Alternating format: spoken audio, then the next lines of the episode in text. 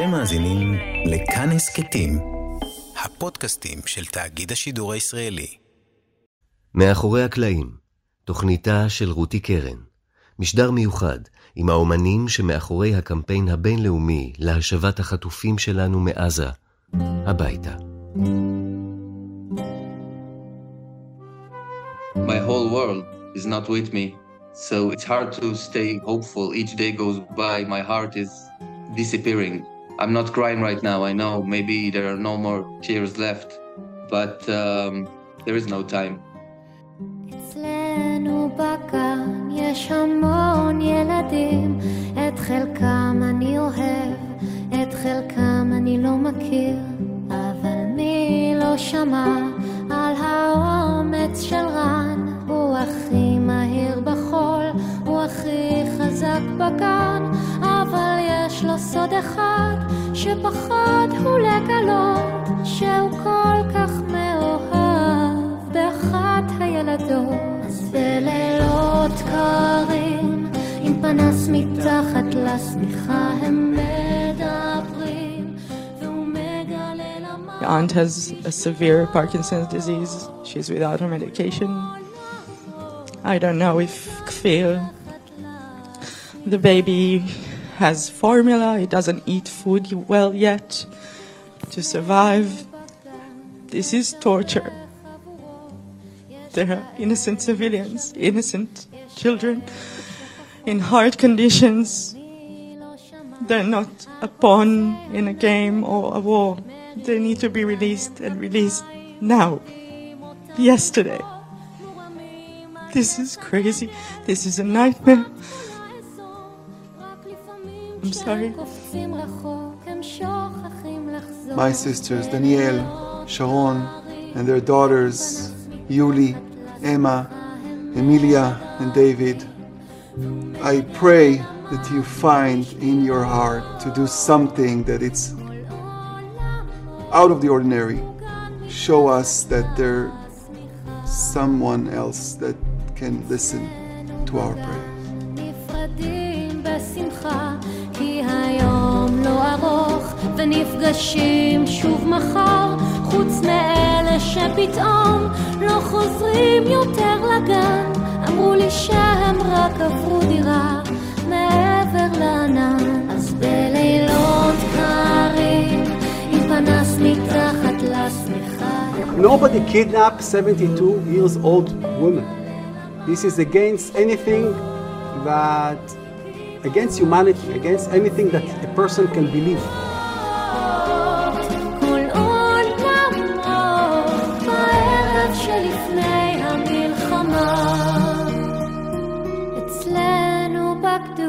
יש המון ילדים, את חלקם אני אוהב, את חלקם אני לא אכיר. שבעה באוקטובר 2023, 6.29 בבוקר, שבת, שמחת תורה.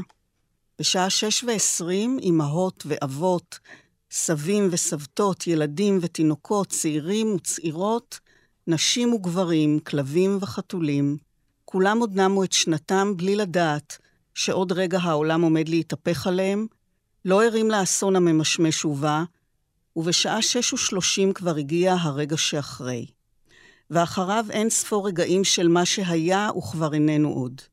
שעת הבוקר הזו הנוראה חצתה את חיינו ללפני ולאחרי.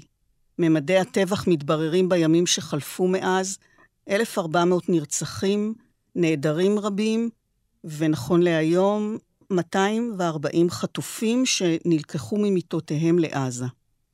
במרחק הזמן של שבע שעות הפרש, התעוררו בניו יורק זוג האומנים ניצן מינץ ודדה בנדייד, והחלו לקבל את המידע על האירועים מן הארץ.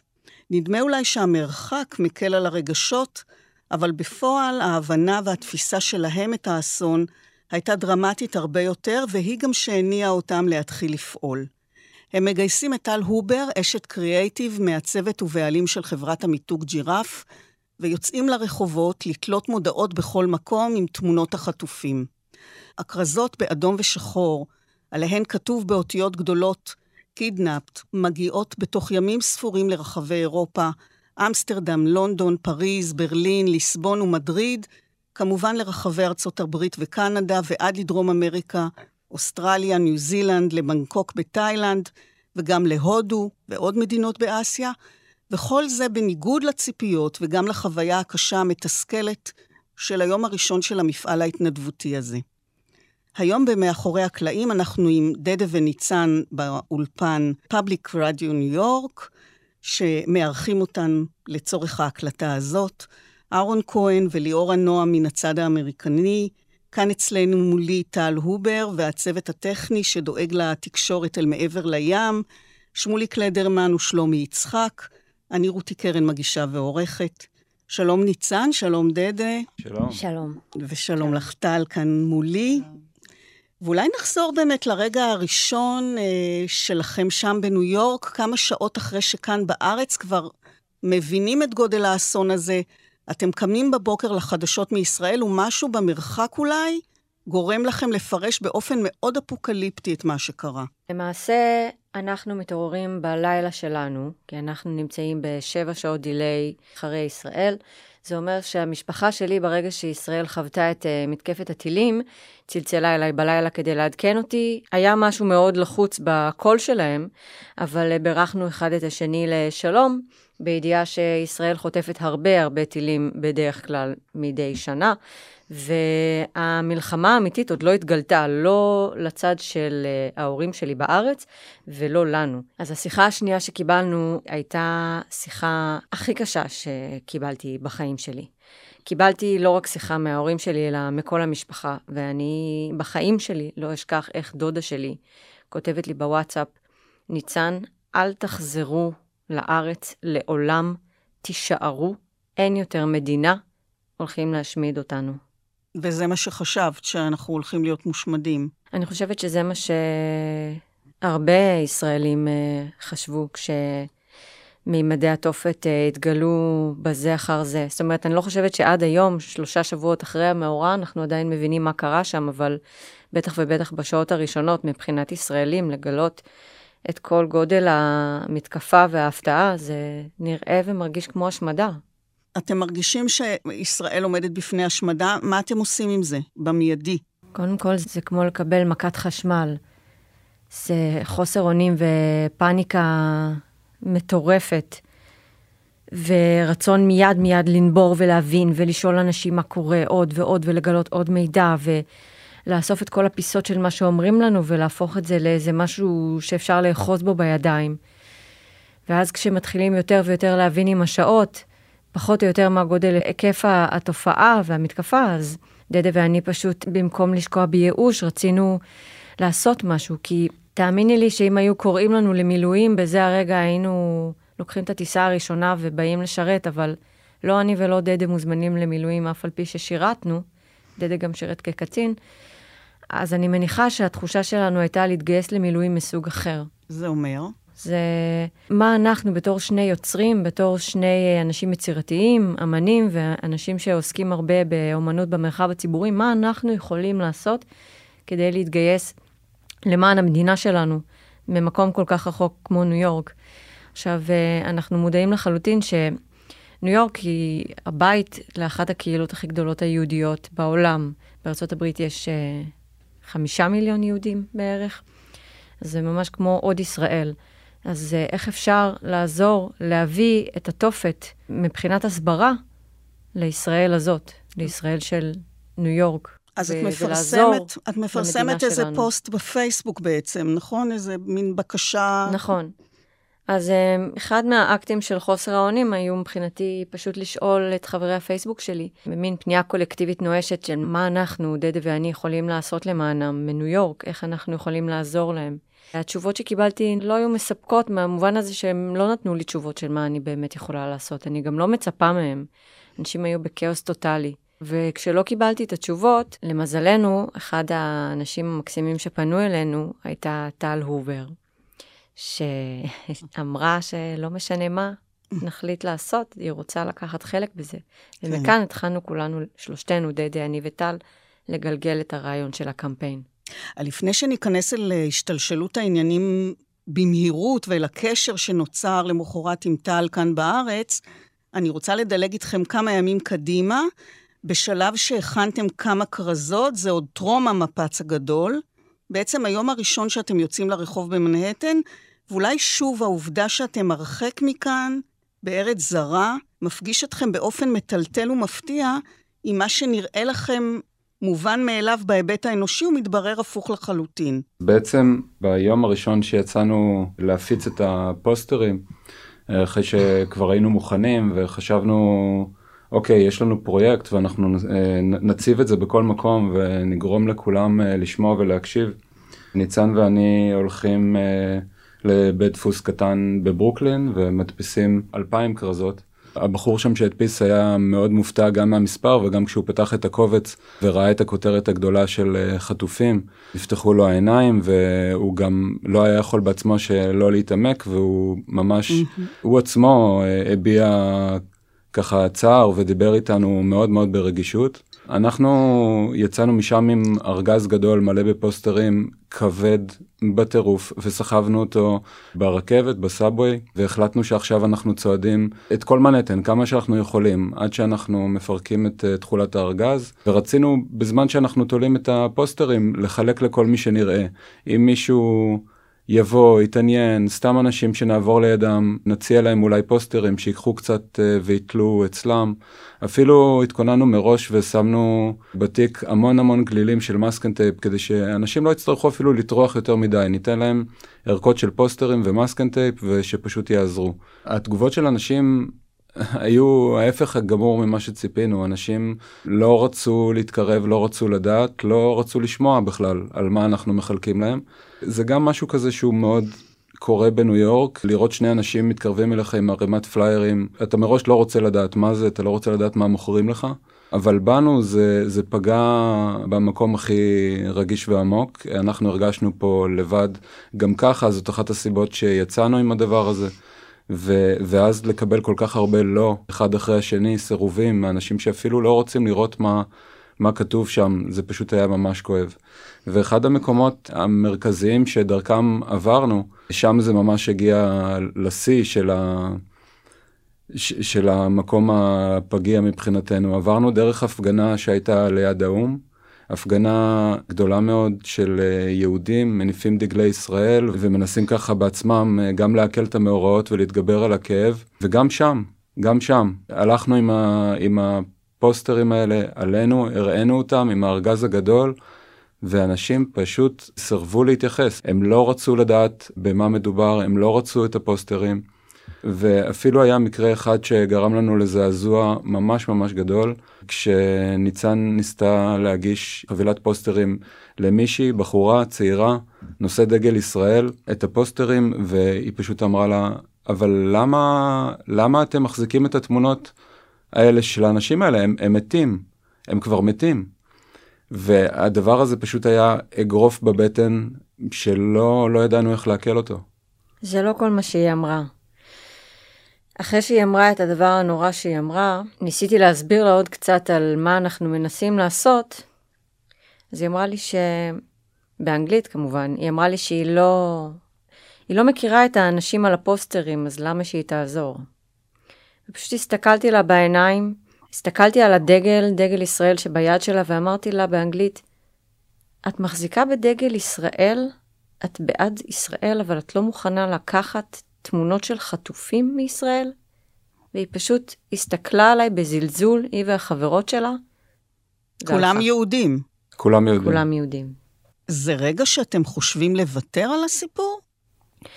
זה רגע שלא רק אה, גרם לי לרצות לוותר, הוא גרם לי לרצות למות, למען האמת. זה, זה רגע של משבר גדול מאוד, כאילו, רגע שאתה לא מבין אם אתה רוצה להיות בכלל חלק מזה, אם הם חלק ממך, מאוד מאוד קשה. אני יכול להגיד שבאותו רגע משהו אחר שקרה חמש דקות אחר כך הוא מה שגרם לי להמשיך לסחוב את הארגז הזה. אנחנו החלטנו שאנחנו עושים רגע הפסקה, אנחנו חייבים לשתות רגע איזה כוס מים ולהירגע. היינו ו... מיובשים גם אה, יום כן, שלם של סחיבה. כן, כל הסחיבות. ובאותה קרן רחוב, איפה שקנינו את המים ועצרנו רגע עם הארגז שלנו, עמדה מישהי עם עגלת תינוק שבאה אלינו. הסתכלה על הפוסטר, הבינה את המסר מאוד מהר, בלי ש... לנו כבר לא היה כוחות לתת את הפיץ' הזה עוד פעם, אנחנו, אנחנו עמדנו שם רק לרגע. היא התקרבה, היא ראתה את זה, היא הבינה את המסר והיא פשוט חיבקה אותנו. והיא אמרה לנו שזה דבר מדהים מה שאנחנו עושים, ושחייבים להילחם עבור האנשים האלה, ו- והיא אפילו לא הייתה יהודייה. כן. אז אתם משוחחים עם טל, שהכרתם בעצם למחרת השבת השחורה באקראי. טל, את כאן בארץ אה, ממתגת לחברות מסחריות ביומיום ומקדימה את דדה וניצן בשבע שעות, ואת זו שפונה עליהם בעצם. אני בעצם התעוררתי אה, לאזעקה. אני גרה ביבנה, ובשש וחצי בבוקר אה, התעוררתי ל... לאזעקות אה, אחת אחרי השנייה ברצף.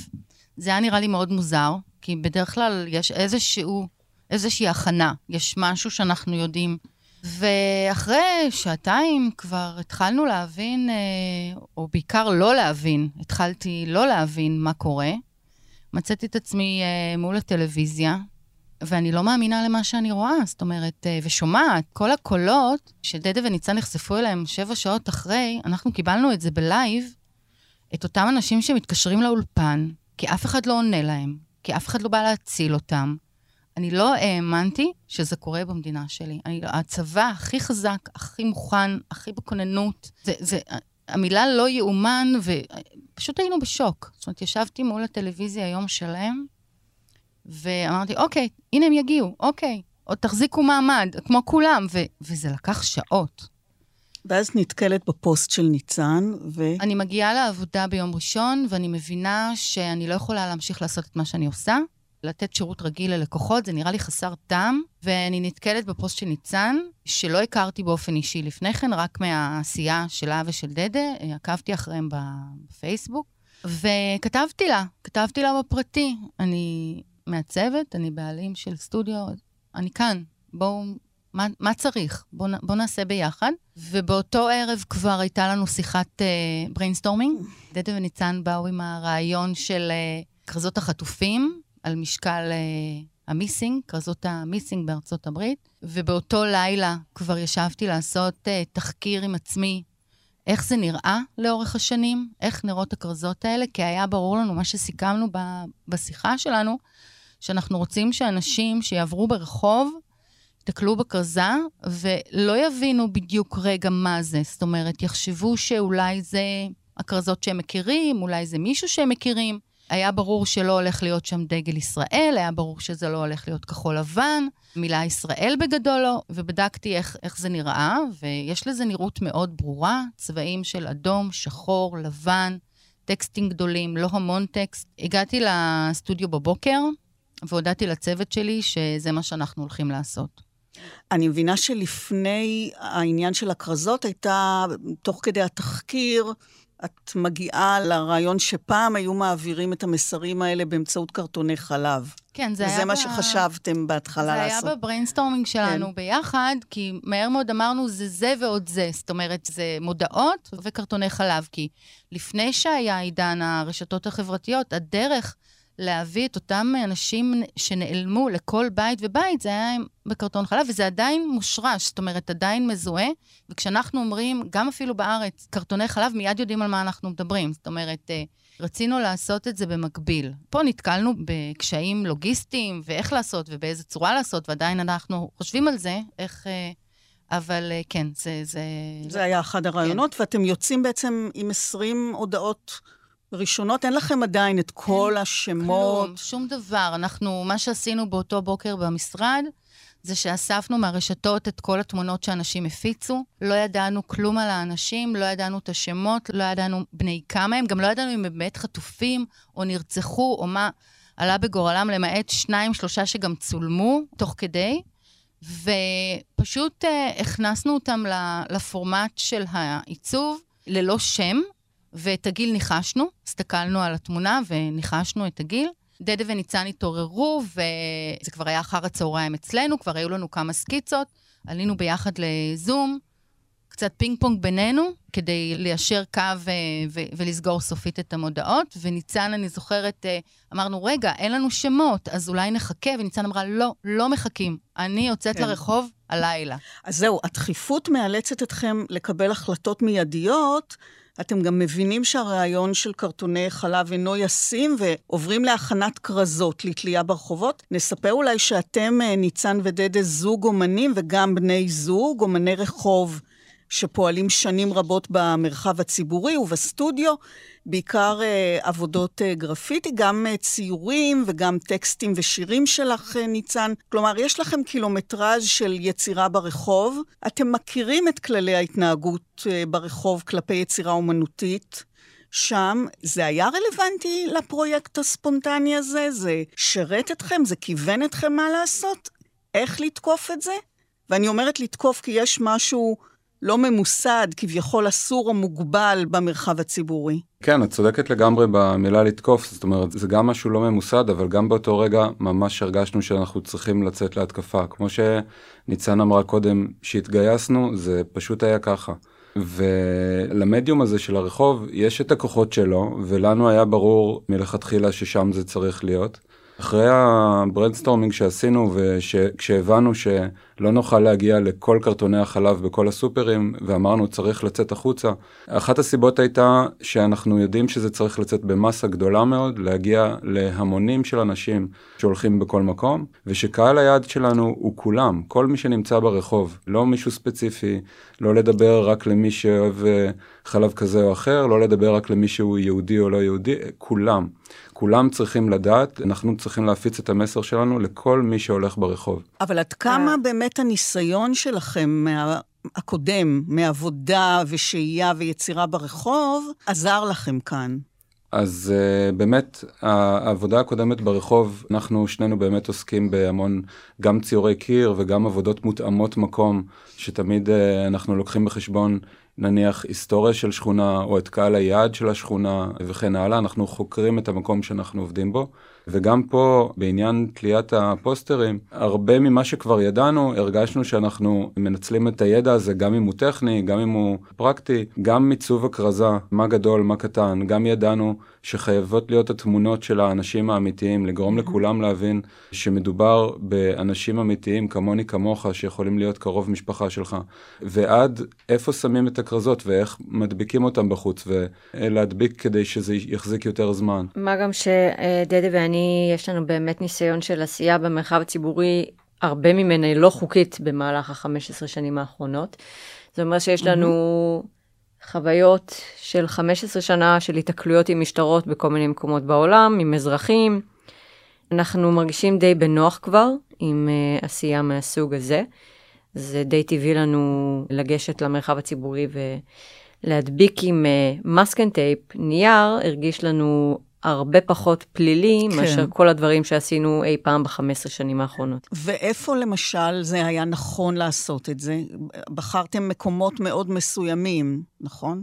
בעצם התחלנו ללכת אה, את מנהטן, אה, משכונה לשכונה, ונצמדנו קודם כל לקרנות רחוב ולמעברי חצייה, מתוך ידיעה שאנשים, ששם יש אה, traffic מאוד גדול, מתוך ידיעה שליד מעבר חצייה אתה עומד רגע ומסתכל, ומעבר לזה המשכנו להדביק גם בכל מקום, אבל התרכזנו מאוד בצמתים, התרכזנו בתחנות הסאבווי, כניסות ויציאות מהם. התחלנו לחשוב בתור האנשים שהולכים ברחוב, איפה הם מתעכבים, איפה הם יראו את זה, mm-hmm. וזה באמת עבד. זאת אומרת, בערב הראשון, כשאנחנו התחלנו להדביק, אנשים שעברו לידינו, אחרינו יותר נכון, ראינו שהם עוצרים ומסתכלים. ראינו שהם מסתכלים על המודעות האלה, שהם גם מזהים את הפורמט, שהם גם אפילו נעצרים להמשיך לקרוא את הטקסט. אה, כן. מביעים אמפתיה. או שואלים שאלה. למדנו גם מההתנהגות שלהם איך להמשיך הלאה, ככה ככל שאנחנו ממשיכים את אותו יום. אז זהו, אלמנטים באמת שלוכדים את העין ואפקטיביים באים לביטוי באופן ויזואלי גרפי, ובכל זאת גם כאן כאומנים, ואת טל כמעצבת בעצמך, וכאשת מיתוג, חשוב מאוד לדייק את הנראות. אילו צבעים, האיזון ביניהם, גודל האותיות, כמות, תוכן הטקסטים. יש התלבטויות בעניין הזה? יש גישות שונות? באמת, מה שהיה חשוב פה זה שזה יהיה מדויק, לא יפה, או לא אה, מושך אה, מבחינה אסתטית. וזה משהו שמלווה בכלל את העבודה שלי. זאת אומרת, אני כל הזמן אומרת גם למעצבים שעובדים אצלי, בניגוד לדדה וניצן, אנחנו לא עושים אומנות. אנחנו יוצרים תקשורת חזותית, וכתקשורת חזותית היא צריכה להיות מאוד תקשורתית. וברגע שהחלטנו שזה מה שזה צריך לשדר, זה לא צריכה להיות כרזה לאומנית, זו לא צריכה להיות כרזה רגישה, אלא לבעוט ולתפוס אותנו בבטן. שזה אומר מבחינת בחירת האלמנטים איזה? קוד, קודם כל צבע ופרופורציות. אז אה, איך הייתה בחירת הצבע? זה מהתחקיר שעשינו על כרזות uh, של המיסינג, שהיה ברור... שזה אדום. אדום ושחור ולבן, ממש. כן. ויש כמות מסוימת של אדום.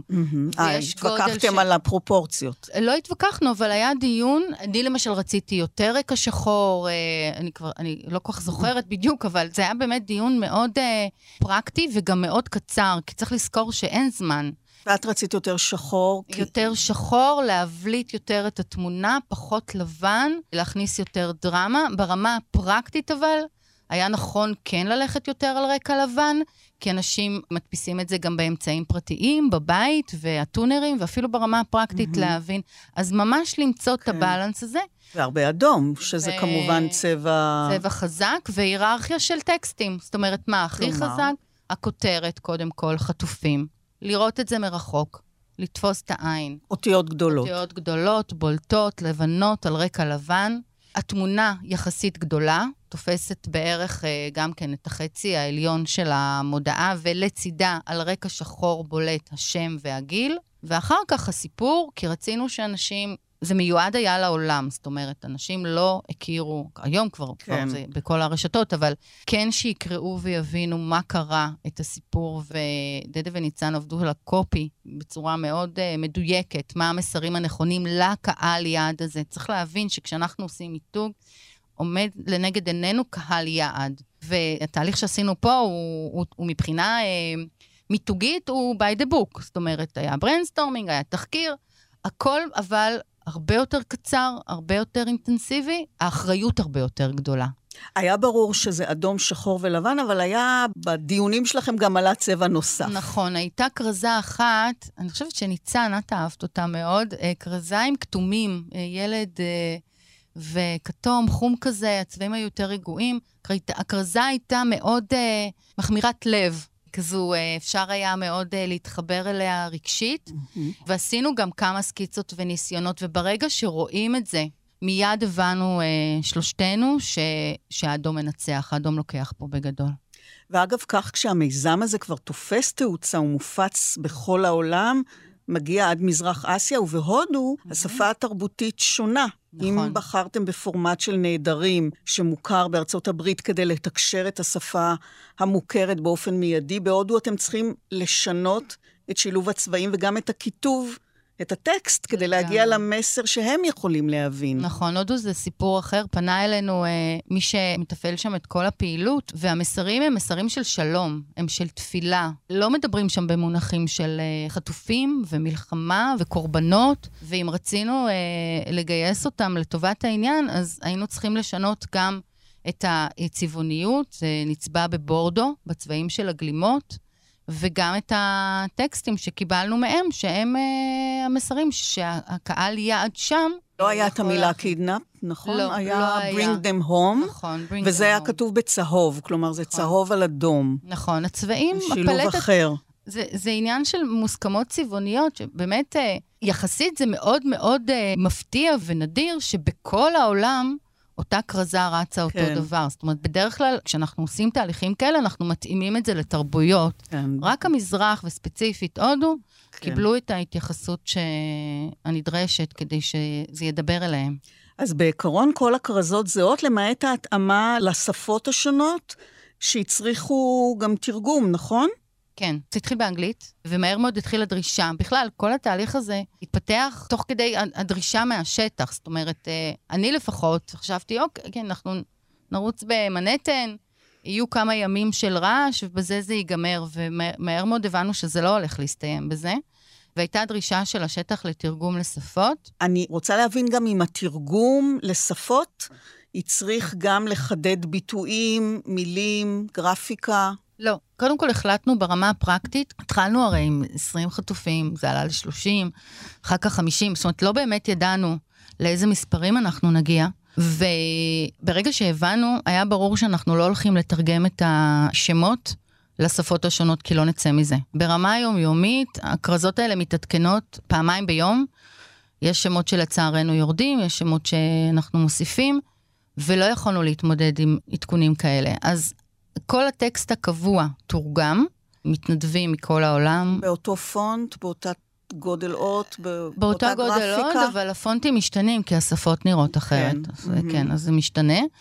אבל אותם המיקומים, אותה גרפיקה, כן. אותה היררכיה של מסרים, וכל מדינה עם התרגום שלה, וכל תרגום עבר גם כמה, שלחו לנו תיקונים, זה, זה היה מאוד מהיר, ו, ולא תמיד ידענו אם מי שמתרגם, מתרגם טוב או מספיק כן. טוב, ואז היינו מקבלים הודעות, זה לא מספיק טוב, ומתקנים, זאת אומרת, זה נעשה באמת בצורה מאוד אה, גרילה, זאת אומרת, כן, ממש לא, לא מאורגנת.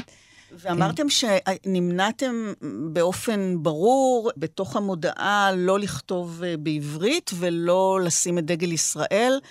דגל ישראל הוא סמרטוט אדום? לא, אני חושבת שבגלל שמלכתחילה המטרה הייתה לייצר מודעה מבלבלת. למשוך את העין ושבמבט ראשון אנשים... כי ברגע שאת שמה דגל ישראל, אז מיד מתרחקים. זאת אומרת, לפחות החוויה... זה סמרטוט אדום, כן. זה יוצר התנגדות. את, בדיוק. צריך אז להכיר בזה. הנושא של הדגל לא הייתה התלבטות. כן. מאוחר יותר, כשהתחילו לצוץ האזרחויות הזרות, כן. אז הייתה דרישה מאוד ברורה להוסיף דגלים, ופה זה סיפור אחר לגמרי. הוספתם טקסט בעצם, כן, חטופים כן, בעלי כן. אזרחות נכון. נוספת. כי הייתה משמעות לזה, ולמשפחות זה היה מאוד חשוב. ו... ו- ולקח זמן עד שהמשפחות גם פנו אלינו בצורה אישית. ו... אז אלה הכרזות שהן טיפה שונות. רק תוספת של, של, של, האזרחות. של אזרחות נוספת, מהמקום שכל משפחה רצתה לעשות את המקסימום. כן. אז אתם מתחילים כקמפיין גרילה, כמו שאת אומרת, טל, ואחרי המפגש עם היהודים ליד האו"ם שלכם, אה, ניצן ודדה, שגרם לכם ייאוש גדול, אתם מבינים שצריך לפעול אחרת. זה לא כמו לצייר אה, גרפיטי על קירות תל אביב, ההתנגדות אינה מן הממסד אלא מן הרחוב עצמו, ולא די בשני משוגעים שירוצו ברחבי מנהטן עם masking tape ועם כרזות נייר. אתם מחליטים להשתמש ברשתות החברתיות והולכים לישון. מה קורה בבוקר? אז בעצם אה, כשחזרנו הביתה באותו יום עצוב. דדה ואני וטל החלטנו להעלות את הלינק של התיקייה Dropbox, שבתוך התיקייה נמצאים כל הקבצים שניתנים להדפסה, לרשתות החברתיות שלנו. אז זה אומר הפייסבוק שלי, פייסבוק של טל, פייסבוק של דדה, כנ"ל האינסטגרמים. אז פרסמנו קריאה, קריאה לכל מי שמעוניין להוריד, להדפיס במדפסות ביתיות, במדפסות uh, חיצוניות. לכו תדפיסו, תקנו מסקן טייפ ותדביקו בכל מקום שרק תרצו. לא ציפינו ליותר מדי, אבל uh, זה לא מנע מאיתנו, חוסר הציפייה שלנו לא מנע מאיתנו לעשות את זה. הייתם, הלכתם בעצם לישון לא אופטימיים.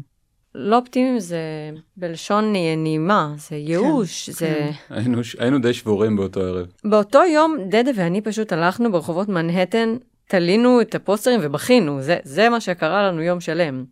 אז הלכנו לישון מרוקנים. אבל uh, מה שחיכה לנו בוקר שלמחרת היה לא פחות מנס. אנשים uh, ממש הרימו את הכפפה, מה שגילינו בבוקר זה שהפוסטים שלנו נהיו ויראליים. אנשים הפיצו אותם בקבוצות פייסבוק, מפה לאוזן את הלינקים באינסטגרם.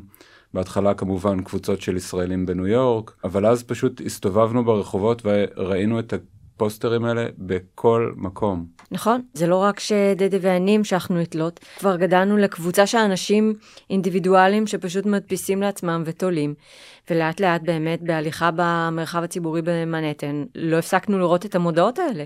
וכל מודעה שראינו, דדה ואני אומרים אחד לשני, אה, זה לא אנחנו שמנו את זה פה, אה, גם זה לא אנחנו שמנו פה. זה היה פשוט מדהים. ומשם הקמפיין התפוצץ, זאת אומרת, מהרגע שזה עבר מפה לאוזן והתחיל להתגלגל במהירות, זה תפס תאוצה באמת כמו אש בשדה קוצים, ועד לשלב שבו הדרופבוקס, התיקייה נפלה, והשרת קרס, מהורדות יתר. וזה השלב שבו כן. התכנסנו לנו, טל, אנחנו ושירה המקסימה, לבנות אתר. כן. החלטנו בכלל שאנחנו עושים איזושהי הערכת מצב. הגענו לנקודה שהבנו שהדבר הזה גדל כנראה לממדים שלא ציפינו, ועכשיו אם אנחנו רוצים שזה ימשיך הלאה, והיינו חייבים שזה ימשיך הלאה, אי אפשר לעצור כזה דבר, אז צריך להיערך קצת אחרת. זה באמת אומר שצריך להיות אתר שיחזיק, ולאט לאט הגיעו הדרישות של השפות, אז גם צריך להיות את זה בשפות נוספות. וגם הגענו למסקנה שאנחנו לא יכולים לעשות הכל לבד, ושנהיה חייבים עוד עזרה, כמה כן. אה, חברים, כן, עזרה מסביב, לאנשים שיעזרו לנו בפניות של אנשים שהגיעו לאט לאט. כן. אה, מכל העולם.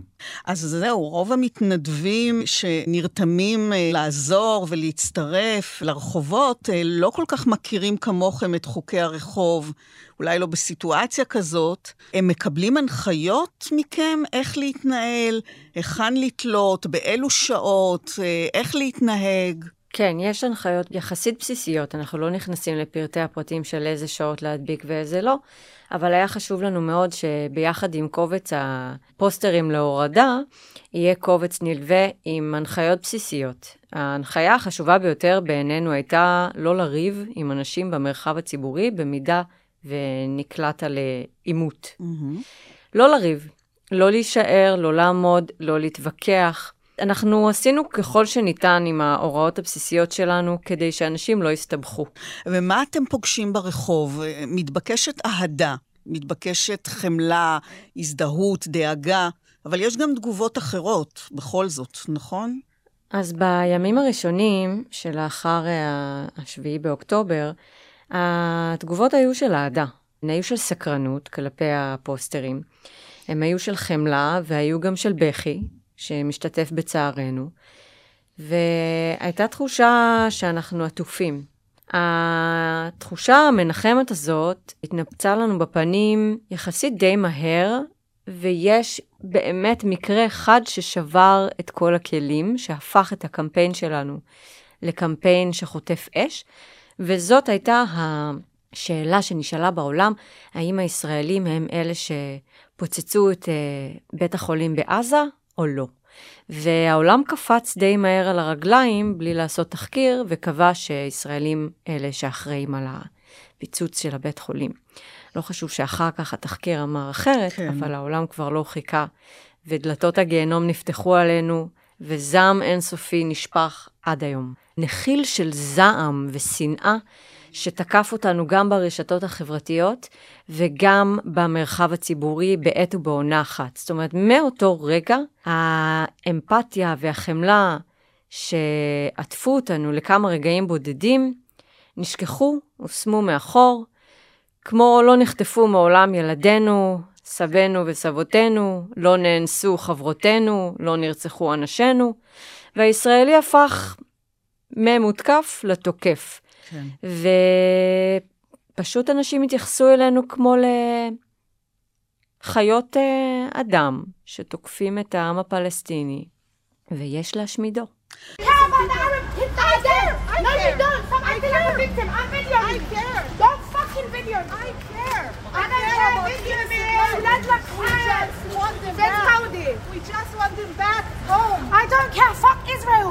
Okay. Your piece is a shit. Victim. So- Go cry. Go cry. You know you're anti-Semitic. אני חושב שהתגובות הראשונות השליליות, נאמר, שהתחלנו להתקל בהן ברחוב, האמת, אפילו בדיוק באותה שכונה שבה התחלנו לתלות את הפוסטרים בימים הראשונים, וקיבלנו תגובות מאוד חיוביות דווקא ואמפתיות, ולכן הקונטרסט היה כל כך חזק.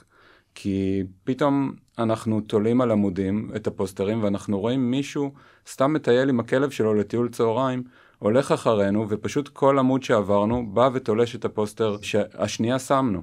קודם כל זה התחיל במבטים, ואחר כך ניצן ישר נזעקה וצעקה עליו שמה מה הוא עושה, ומדובר באנשים אה, אמיתיים שהם עכשיו אה, שבויים וחטופים.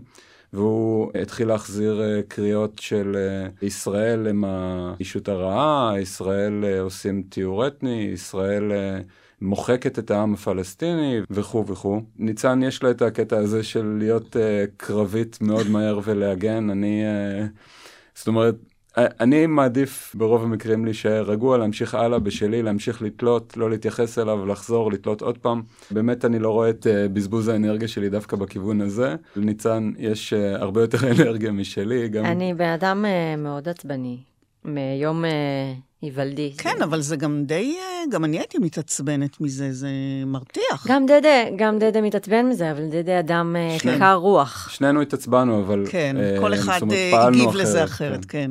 קל מאוד להדליק אותי, אני נדלקת מאוד מהר, דדה אדם מאוד שלו. כן. אה, אולי בגלל זה אנחנו ביחד. בכל אופן. אז אה, לאורך כל העשייה שלנו, באמת במרחב הציבורי עם הפוסטרים, חטפנו על הראש מימין ומשמאל, בין אם זה שצועקים עלינו, אתם עושים טיהור אתני ותולשים לנו את המודעות מול הפנים שהרגע תלינו, ועד ל... קבוצות של uh, צעירים לבנים, בוגרי קולג'ים או סטודנטים שהולכים בקבוצות ורואים אותנו מחזיקים uh, פוסטרים עם תינוקות וצורכים עלינו פרי פלסטיין ומקללים אותנו, מנאצים אותנו. Uh, והיה איזה פעם אחת שהתראיינו גם uh, לחדשות מקומיות, ודדה ואני כבר uh, קצת חוששים לחיינו בזמן שאנחנו הולכים עם הפוסטרים, אז אנחנו שומרים אחד על השנייה. אז uh, אחד מאיתנו היה מצולם והשני שומר. ואנחנו מחזיקים את הפוסטרים של האנשים, ומולנו באופק עובר אדם עם uh, כאפיה וגלביה וחגורת בטן מאוד מאוד עבה.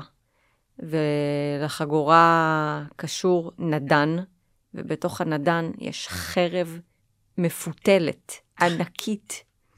חרב ענקית, וזה בן אדם גדול עם זקן עבה, וזה לא קשור להלואוין, זה לא תחפושת. והוא צועד לקראתנו, הוא מסתכל לנו בעיניים ומסתכל על הפוסטר, ונוגע בחרב עם היד וממשש אותה. וואו. אני חושב שמה שהציל אותנו באותו רגע זה בעצם שהיינו בריאיון לטלוויזיה עם מצלמה גדולה מאוד וכזה צוות צילום, כי אני לא יודע, זה פשוט היה מפחיד, שנינו ליווינו אותו במבט מתרחק לאופק, ופשוט באמת פחדנו שכל רגע הוא מסתובב אחורה.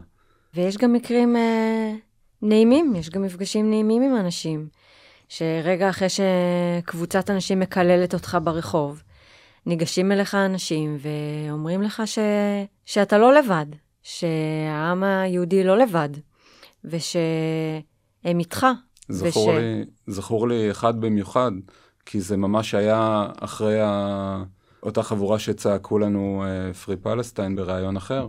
בחור uh, מבוגר, שיער לבן, שהתקרב אלינו תוך כדי הריאיון ואמר אפילו לצלמת שנייה, אני צריך שתעצרי את זה רגע כי אני חייב להגיד משהו. הוא לא רצה להצטלם, אבל הוא רצה להגיד לנו שהוא עצמו לא יהודי, אבל הוא קרא לחברה שלו בראשי התיבות של עם ישראל חי, כי הוא מאמין, מאמין בישראל ובמה שאנחנו עושים. ודברים כאלה, באמת, הקונטרה הזאת היא ממש כמו ססמוגרף, גורמת לנו כן. להרגיש או ממש פגיעים ורגישים, או שמחים ומלאי תקווה במין האנושי. I live in Manhattan. I'm Jewish. I'm pro-Israel all the way. And you know, I was walking along 79th Street yesterday and I see these individual posters plastered with people's faces on it that have been kidnapped. And you stop and you read it and you look and you see that this is a person who's loved and who has a family and it brings it home. And then you walk a couple of other blocks and you see another one. And it, this needs to be all over Manhattan. It needs to be everywhere. So people never forget. And so people have it on their minds all the time. We want these people back. There's no excuse. There's no excuse for what Hamas does. This has to be plastered all over. It's all over the city, and we don't, we will not stop until we bring every single, including their bodies and including their mom body, every part we're going to bring back to Israel. Everything. We're not going to stop sharing them. This is my daughter over there with Adi and my friend Allison. Thank you so much. Thank you so much. Appreciate that. אני מבינה שהיה באחת הפעמים, הסתובבתם באיזו שכונה לא כל כך נעימה, אה, ראיתם אנשים שנראו לכם אה, אולי כאלה שהם בפוטנציאל אה, לתקוף, והופתעתם, גם כאן הופתעתם לטובה. נכון, דדה, אני ושירה הלכנו אחרי פגישה שלנו, באמת בשכונה מאוד לא נעימה, היו שם אנשים מאוד מפוקפקים, מאוד מפחידים, וזה לא כל כך עניין אותנו, והחלטנו עדיין לתלות את הפוסטרים. כי אנחנו כבר במין מצב תודעתי כזה, שזה כבר לא משנה. כולם תוקפים אותנו גם ככה מכל כיוון, אז צריך פשוט להמשיך. אז פשוט הלכנו על זה, ותלינו, האמת, אה, יחסית מול העיניים שלהם, כאילו, סנטימטר לידם. ואמרתי לעצמי, טוב, גם אמרתי להם, אה, חבר'ה, אם אה, מישהו פונה אלינו פה, תנו לי לטפל בזה. אני לא יודעת למה עשיתי את זה, אבל הם באמת באו ופנו אלינו, אבל הם לא פנו אלינו באגרסיביות ולא במסרים מנאצים או אנטישמיים, אלא להפך, הם פשוט התקרבו, קראו. לא היה להם שמץ של מושג בכלל על הסכסוך בינינו לבין הפלסטינים, לגבי מה שקרה בשביעי באוקטובר. שום רקע, שום היסטוריה. שיחה אנושית לחלוטין, נקייה, על גורלות של אנשים חטופים. ויצאנו משם מחובקים, הם היו פשוט מקסימים. כן. זה, הקמפיין הזה, הקמפיין גרילה הזה, אם יש משהו אחד שהוא מלמד אותי, הוא שדווקא מי שאמור וחשבת שיהיה לצדך, כן. וידאג לך, או יהיה מוסרית מחויב לך, תופס את הצד השני, והצד השני דווקא מראה את הפנים האנושיות, החומלות.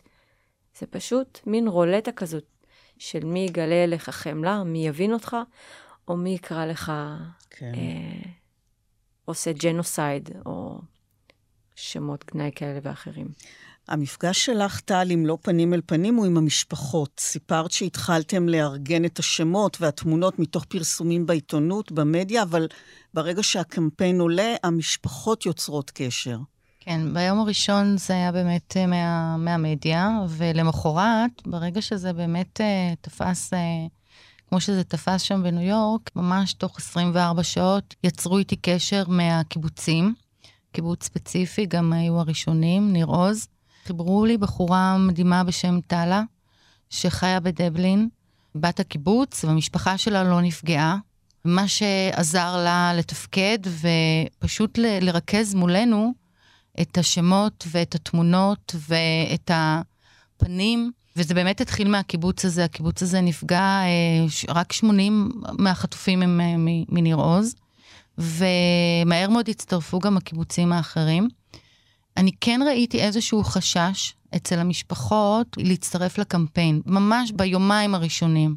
פחדו שאולי זה יפגע במשא ומתן, אמרו להם לא להצטרף, כן להצטרף.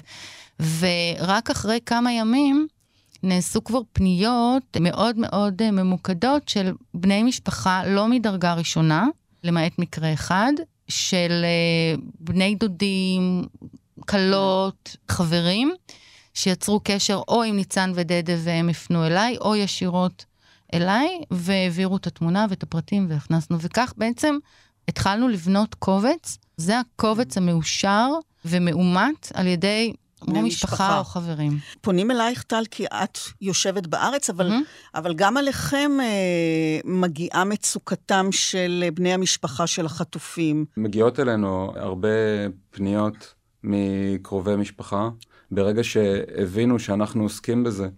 התחילו להגיע פניות על בסיס יומי, ואנחנו בתור שני אומנים אה, בלי רקע בדברים כאלה, מקבלים את הפניות האלה, ובאמת נורא קשה להקל ולדעת איך אה, גם אה, להתנהג אליהם, איך, איך לחבק אותם, להיות הכי רגישים. משהו שאתה באמת לומד על הדרך, פניות מאוד מאוד קשות, ועם כל אחד ואחד אתה מרגיש את הכאב, ואתה מרגיש איך עדיין יש בהם את התקווה שהחטוף יחזור הביתה. ו... יש משהו שהם כולם חוזרים עליו באיזשהו מקום? איזה... כן, שהם רוצים שהתמונה תשתתף בקמפיין, שזה חשוב להם ודחוף להם. דחוף להם ממש, כאילו זה הדבר שיכול להחזיר כן. את היקירים שלהם. אבל אני מבינה גם ש... כמעט כולם חוזרים ואומרים שבעצם אף אחד לא מתייחס אליהם ושזה אתם שמייצגים אותם. כן, כן, קיבלנו. הודעה אה, אחת מוקלטת ומאוד אה, ברורה, שככה באמת השאירה אותי ספיצ'לס, כי, כי היא אמרה, טלה, אה, אתם כל מה שיש לנו. אין לנו אף אחד, אף אחד לא תומך בנו, אף אחד לא עוזר לנו, ואתם אה, כל מה שיש לנו. זה מאוד מאוד הפתיע אותי. וצריך להבין שמבחינת אה, כמות המודעות, באיזשהו שלב זה התהפך. בחלק הראשון היה לנו חשוב לייצר מסה. זאת אומרת, כל אחד הוא עוד שם ופנים לעוד מודעה ברחוב. אבל ברגע שזה כבר 100, אין באמת כל כך הבדל בין 100 ל-120 ל-130, וזה התהפך. החשיבות שלי, ואני זוכרת לילה אחד עד שתיים וחצי בלילה, מקבלת שמות ולא מחכה עם זה לבוקר, ומעבירה אותם לשירה, להכניס דחוף, להכניס דחוף, כי מישהו ידפיס את הקובץ האחרון, שזה יהיה שם. והפוקוס היה שהשמות והפנים והאנשים האלה יהיו בשביל המשפחות. העניין הזה שאתם הופכים להיות הנציגים באין גוף רשמי מטעם המדינה שמתקשר, שפועל למענם גם בתחום ההסברה שבעצם נזנח לחלוטין, מגיע גם עד שיחות קשות, כמו אחת השיחות שאת, טל, מקבלת בשבת שעברה מוקדם בבוקר. נכון. אני uh, עובדת על רצוף כבר מספר שבועות מהרגע שזה התחיל. שישי ושבת, ואני עונה לכל טלפון, ואני מקבלת בשמונה בבוקר שיחת טלפון, ולוקח לי הרבה מאוד זמן להבין מה הבחורה אומרת. היא, היא צועקת עליי, היא אומרת לי, אתם לא הכנסתם את אבא שלי לקמפיין, אתם לא הכנסתם, אבא שלי לא קיים במודעות, אני מחפשת אתכם כבר שלושה ימים, וזה באמת פעם ראשונה שניהלתי שיחה עם, עם, עם מקור ראשון. וחוץ מלבכות איתה ביחד, לקח לי חצי שעה להרגיע אותה, ואת עצמי גם, ולהגיד לה, דקלה, טוב שהתקשרת, אין לנו דרך להגיע, ועוד עשר דקות התמונה והשם של אבא שלך ייכנסו למודעות ויצאו לרחוב.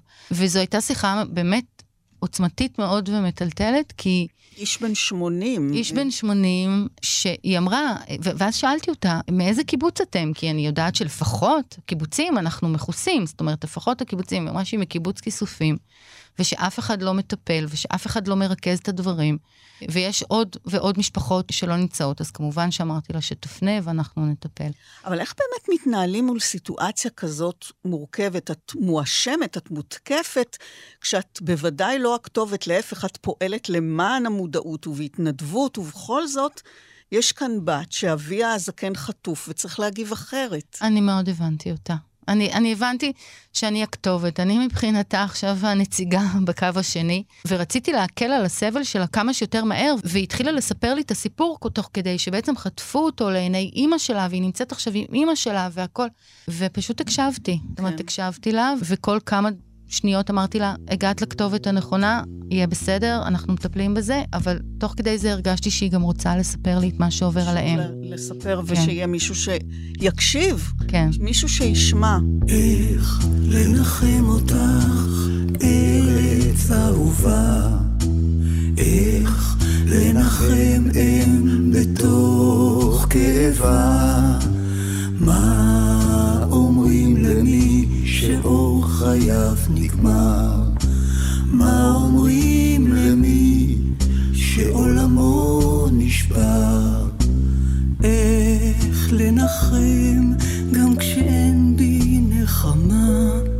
רוצה לומר מילה טובה, לא יודע מה. איך להרגיע את מה שלא ניתן, כשהדמעות זולגות מי יעצור אותן? אולי מחר תופיע קשת בענן ותשווה חיוך קטן על לחי אולי מחר יופיע לנו נס קטן בשמיים סוערים מבכי נתחבק עד שיפתח השער. באהבה גדולה מכולם. הלוואי שלא תדעו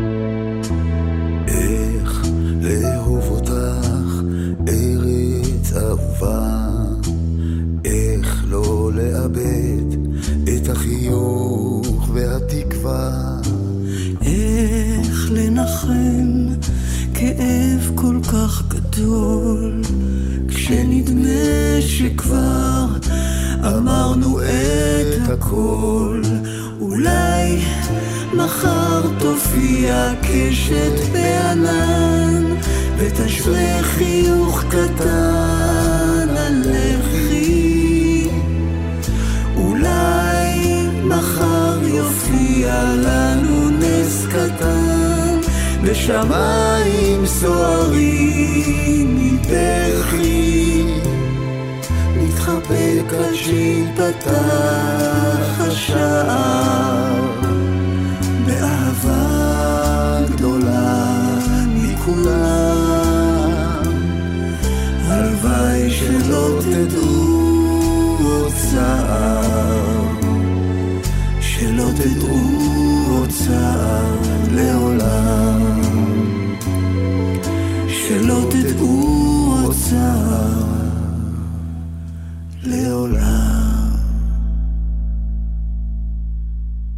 ואגב, נושא ההסברה, הנה גם פונים אלייך אישית, גם בטענות, אבל כשאומרים לכם, אולי מתוך כוונה להחמיא, שאתם מחליפים את מערך ההסברה, זו אמירה שקשה לי איתה. אני מבינה שזה מה שאנחנו עושים, אבל זה שם באור מאוד שלילי את כל מה שקורה מבחינה הסברתית. שרת ההסברה התפטרה הרי ביום הראשון או השני, אני לא זוכרת כבר, מיד מה שנקרא, לקחה את הרגליים וברחה.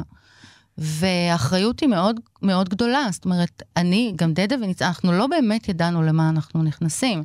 ופתאום להיות הגוף שמרכז ומפיץ את הדבר הזה, אני לא ישנה בלילות. זהו, שאת אומרת, זו רשימה שמתעדכנת כל הזמן, נכון. כשמתברר מידע בין הגרוע לבין הגרוע יותר, שקורה בשעות לא שעות. אז, אז מה קורה עם הרשימה, שהיא באמת כל הזמן משתנה? היה לילה אחד שאני מתקשה להירדם, ואני מתעוררת, אני מסמסת לדדה וניצן באמצע הלילה, ואומרים, תלכי לישון כבר, תלכי לישון כבר.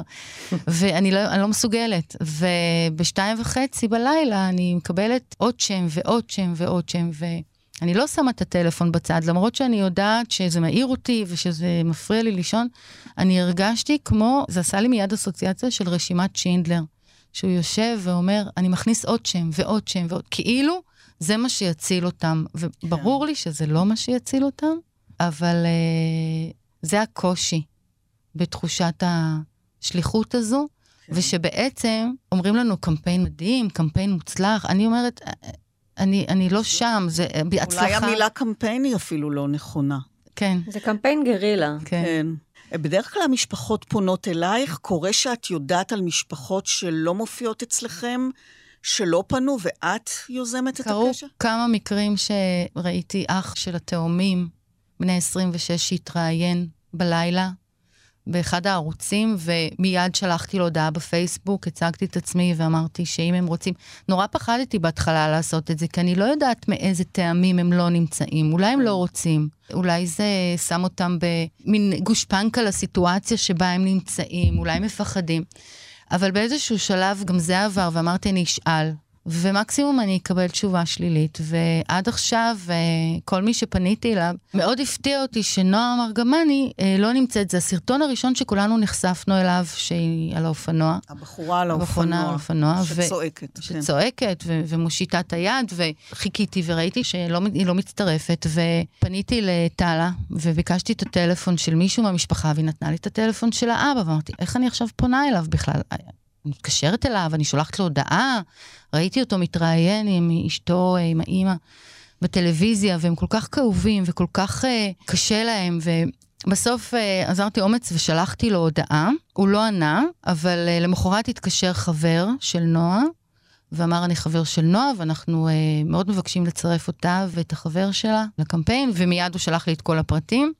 ואז הוא גם אמר, היינו מאוד רוצים להדפיס כמות מסוימת ולתלות אצלנו, החברים רוצים, ו- ואמרתי לו, אוקיי, אני דואגת לזה, שלחתי את זה לבית הדפוס, ופגשתי אותו, נתתי לו אה, 100 עותקים של המודעות הספציפיות האלה, ו- ואלה המפגשים האישיים ש... כן. שהיו לי יותר. פנית גם, כך הבנתי, לעורך מוסף השבת של ידיעות אחרונות, אביב אברון, שתמונתה של אה, יהל, בת השלוש, בת אחייניתו, הודפסה על שער העיתון נכון. אה, בסוף השבוע. גם התמונה שלה להפתעתי, מופיעה. אינה מופיעה אצלכם, נכון. שזה באמת מפתיע. זו תמונה שיש בה הרבה, זה קשה לומר את זה כמובן, אבל חייבים לומר, זו תמונה עם הרבה אימפקט. אלו התמונות שבסופו של דבר יחדרו לליבותיהם של אנשים, גם אולי מי שמתנגד אידיאולוגית, ילדה עם מתיקות כזאת, עם טלטלי זהב ושמלה כזאת של ילדה. אז אתם לפעמים בוחרים במצבים מסוימים, במקומות מסוימים, תמונות כאלה? אני חייבת לומר שלצערי הרב, זה לא מעניין אף אחד, אם זה תינוק או אישה בת 85.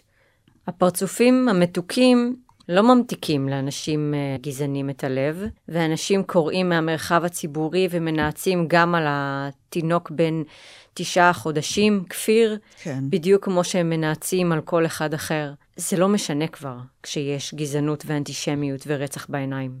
אצלנו לפעמים יש בחירה, זאת אומרת, יש גם בקשה מהאנשים שעבורם אנחנו מכינים את ה... לא דיברנו על זה, המעבר מהפוסטרים לכל המדיות הגדולות, תכף נדבר אבל על זה. על זה. אבל אה, לפעמים המקום הוא מוגבל, ואי אפשר להכניס את, את כל כולם. התמונות. ואני שומעת את הקולות של כמה שיותר ילדים וכמה שיותר. זה קשה, כמו שניצן כן. אומרת. זאת אומרת, גם לי זה קשה לעשות את הבחירה.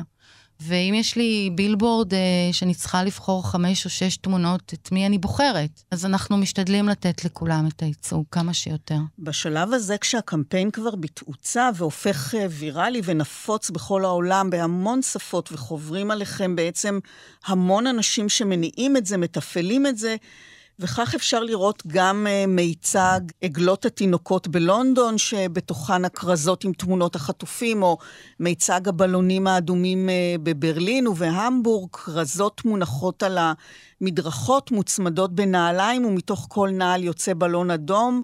כמובן שולחנות ארוכים וכיסאות ריקים עם התמונות עליהם, מחכים, שולחן הילדים ההפוך עם דובוני צעצוע בטיימסקוור.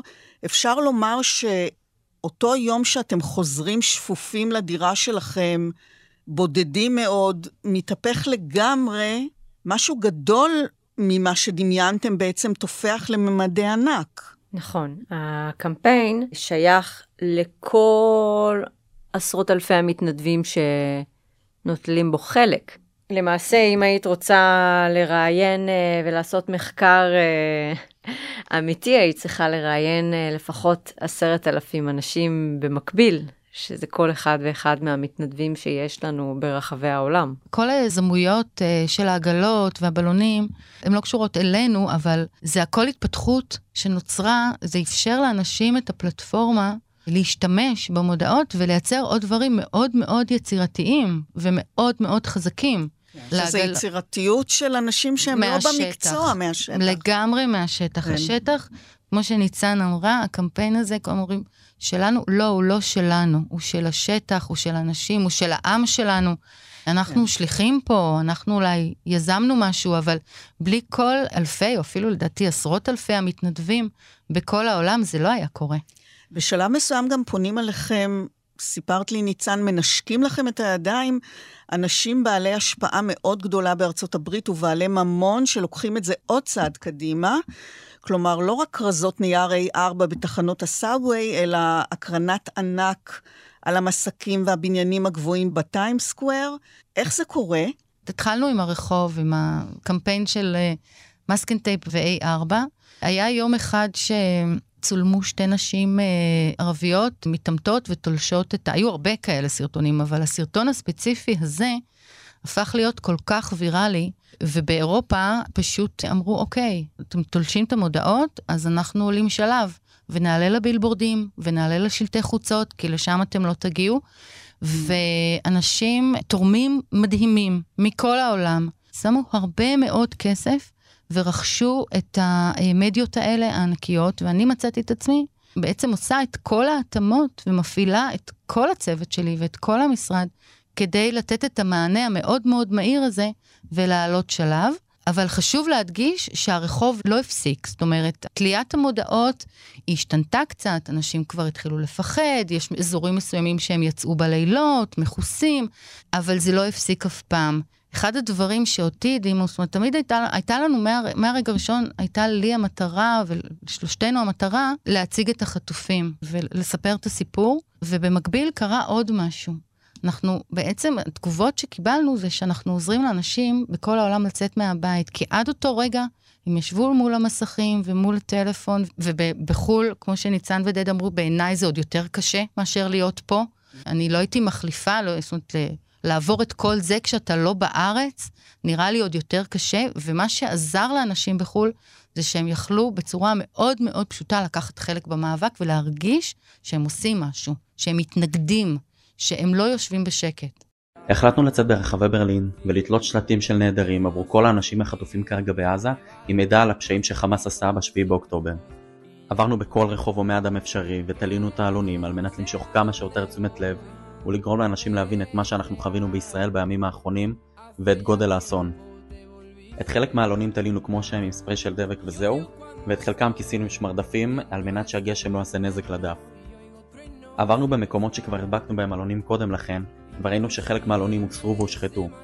והחלטנו שאנחנו לא נשתוק, ואנחנו לא ניתן שישתיקו את הקול שלנו בנוגע למצב, בנוגע לחטופים, והחלטנו להדביק עלון בדיוק באותו מקום, כדי להמשיך להילחם ולהראות לעולם מה עובר עלינו. אנחנו נמשיך לצאת כל ערב, להדביק עלונים, להפיץ מודעות, כדי לגרום לכל האנשים כאן להבין עם מה אנחנו מתמודדים בישראל. אז זה באמת משהו שדדה ואני מרגישים uh, טוב טוב, כי אנחנו באים במגע פה ובפגישות עם הרבה אנשים מאוד חשובים, שחלקם uh, באמת אחר כך uh, מתגלגלים לאנשים שרוכשים uh, בילבורדים וקונים מקרני ענק ופרוז'קטורים כדי להקרין את הפוסטרים. מעורבים בקמפיין באמת אה, החל מאנשים מאוד דלי אמצעים ועד לאנשים עשירים ביותר שרוכשים אה, באמת קירות ענקיים שיוקרנו עליהם הפוסטרים. אז מעורבים בקמפיין הזה המון המון סוגים של אנשים. ולא משנה איפה אנחנו הולכים, גם בחוגים הגבוהים ביותר, אם אנחנו יצא לנו להתגלגל, אנשים אה, אמריקאים פשוט מנשקים לנו את הידיים פה. פיזית, מנשקים לנו את הידיים, ואומרים לנו שבלעדי הקמפיין הזה, החטופים לעולם לא היו עולים לכותרות, ושהקמפיין הזה הוא הקול שלהם, של עצמם, ואת הצעקה שהם לא יכלו לבטא עד שהקמפיין נולד. איך אתם מרגישים באמת שפתאום אתם רואים את התמונות האלה שאתם תליתם במו ידיכם על המסקי הענק האלה, על, ה, על הבניינים הגבוהים, בענק. זה שוק, זה מאוד מאוד... אה, אה, מכל הבחינות זה שוק, זאת אומרת, אה, באמת מהרגע שהקמפיין נהיה ויראלי, שכמו שאמרנו זה היה מאוד מהר, היה רצף של ימים שלאף אחד מהם לא קמנו מוכנים, ואני אומר, בכוונה קמנו, כי מהשנייה שקמנו ופתחנו את העין והרמנו את הטלפון, ראינו אין סוף הודעות מכל מיני סוגים. אחד רוצה לקחת את הקמפיין ולשים אותו על בילבורד, ופתאום משפיענים שמעולם לא היה לנו קשר להם רוצים לשתף את הקמפיין, ומשאיות דיגיטליות, ואולי לחשוב על להקרין את זה במגרשי פוטבול, וואו. וכל מיני דברים כאלה שבאמת אף פעם לא חשבנו במסגרת האומנות שלנו שדברים שאנחנו נעסוק בהם יגיעו לשם. וככה כל יום קמים בבוקר, לא יודעים על מה נעבוד היום, לא יודעים עד איזה שעה נמשיך את היום, אבל לאורך כל היום ממשיכים להיות מופתעים כל הזמן מכמות ההודעות והאנשים מכל הסוגים והמעמדות שפונים אלינו, כי הם מרימים יוזמות כאלה, כי הם רוצים לדחוף יוזמות כאלה. זה מאוד מתחבר גם לכמות האנשים שדיברנו קודם שעוסקים בקמפיין. כמו שכולם התגייסו, כולם הפכו להיות יזמים, ואנחנו מאוד מאוד עודדנו את זה. הפוסטרים, כמו שטל אמרה, היו, נשארו, עדיין קוראים לזה קמפיין הפוסטרים, בכל עיתון או בכל uh, כתבה, אבל זה כבר ממש לא שם, זה בכל מקום, וזה אך ורק בזכות אלפי אנשים שגרמו לזה להיות שם. Uh, כל אחד קם עם היוזמה שלו. הפתיע עם הקשרים שלו, הפך עולמות כדי שזה יגיע לאן שהוא ראה שזה יכול להגיע. וככה כולם נכנסו מתחת לקמפיין הזה, ואנחנו ממשיכים לעודד אנשים לעשות את זה. אנחנו רוצים שזה יגיע כמה שיותר רחוק, לכל המדיות. ל- וזה ל- גורם לנו לגאווה. כן. גאווה גדולה. ותחושה של ביחד, תחושה שיש לעם שלנו כוח. בעצם כל הזמן ישנן הפתעות, לכאן או לכאן. אתם מרבים להתראיין אה, ברשתות הטלוויזיה והרדיו ברחבי העולם. לפני יומיים התראיינתם אה, לרשת פוקס ניוז, ויצאתם בתחושה לא נוחה, אבל אז הגיעה איזו הפתעה. הכינו אותנו לראיון של שבע דקות בפוקס, ודדה ואני הכנו, שיננו לנו ככה את כל המסרים הכי חשובים, שמאוד כדאי שהאמריקאים יראו, כי זה בתפוצת ענק. הראיון אה, נגמר תוך שתי דקות, לא תוך שבע, אז אה, למעשה דדה ואני לא הספקנו לומר אפילו רבע מהדברים שתכננו להגיד על הקמפיין, ויצאנו ממנו מאוד מאוד מאוד מאוכזבים על הפספוס של הזמן והפספוס של הרגע. כן. אה, אבל אה, בין ההפסקת אה, תשדירים לבין הריאיון איתנו, הייתה לנו הזדמנות לדבר עם המנחה המקסימה. ודיברנו איתה בנימה מאוד אישית ומאוד אה, אינטימית על החטופים ועל מה שהיא רואה במודעות, ונתנו לה כמה פוסטרים לקחת הביתה, היא ביקשה. וההפתעה שחיכתה לנו היא שבעצם השיחה הזאת בינינו לבינה הולידה יוזמה מדהימה, שמתגלגלת אה, עד עכשיו, שבין כל התשדירים שלה, היא בעצם בוחרת שלושה פוסטרים מתוך הקמפיין שלנו, והיא מדברת עליהם, מציגה אותם במשך כמה שניות ארוכות, מדברת על השמות, וחושפת את הקהל האמריקאי הרחב לחטופים. I want to take a moment. It's something we are going to do on the Faulkner Focus um, for however long it takes. And I really want to call this out because I, I don't know that I have seen enough about them.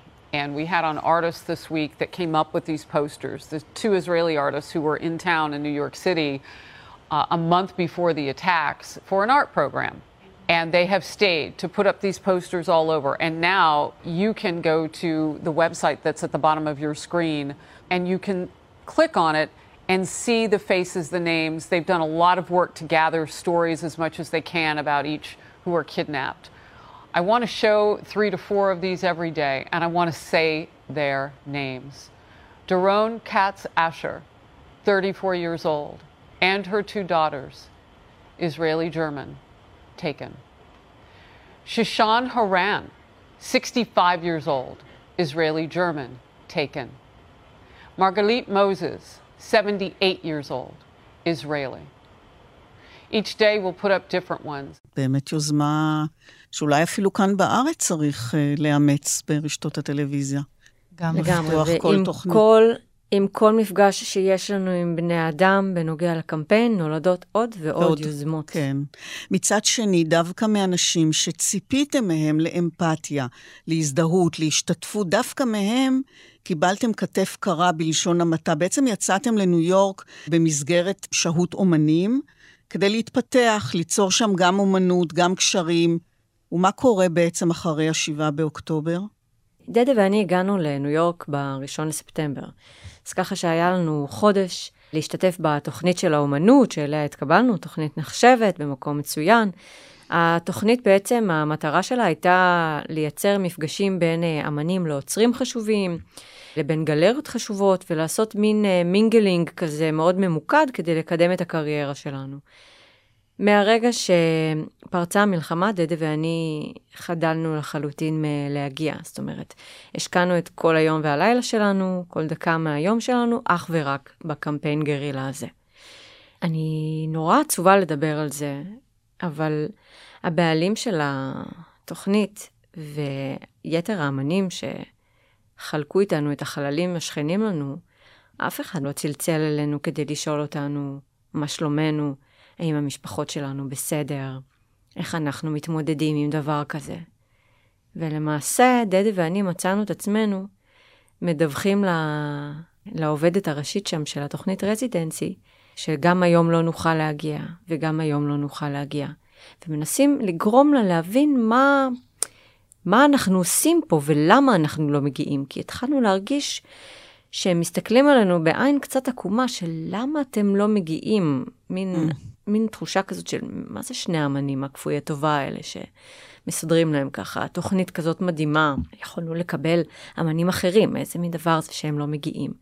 אז אנחנו, שאנחנו אומרים להיות ה...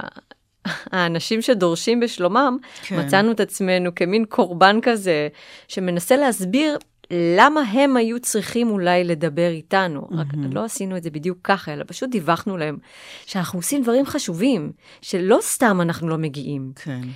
עברו שלושה שבועות, לא הגענו לשם אפילו פעם אחת, פספסנו את כל הקונקשנים שהיו אמורים, אה, את כל החיבורים, את כל המפגשים עם האוצרים, הגלריות, המוזיאונים, שיחות חשובות ומפגשים. פספסנו את החלק הזה בקריירה שלנו.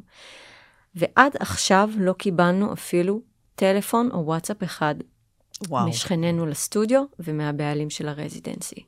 ודדה ואני החלטנו לעשות יום הובלה, לסיים איתם את היחסים, לקחת משם את החפצים ולסיים את הקשר. דיברנו קודם על אה, תגובות אקטיביות ממש, תלישה של הכרזות. אה, נתקלתם אה, בתוקפנות אלימה ממש? הייתם מאוימים? כי אני מבינה שפעילים שתלו כרזות בכמה מקומות, ביוניון סקוואר, באוניברסיטת ניו יורק, מצאו את עצמם מותקפים עד התערבות של המשטרה, שגם היא הפתיעה. אנחנו אישית לא נתקלנו ב... אותנו לא תקפו בצורה כזאת, אבל uh, אנחנו שומעים על uh, המון סיפורים על, מכל העולם, על uh, חבר'ה פעילים שלאט לאט מרגישים יותר ויותר מאוימים, מתאמים ביחד uh, בקבוצות וואטסאפ, יוצאים בחבורות כדי להגן אחד על השני.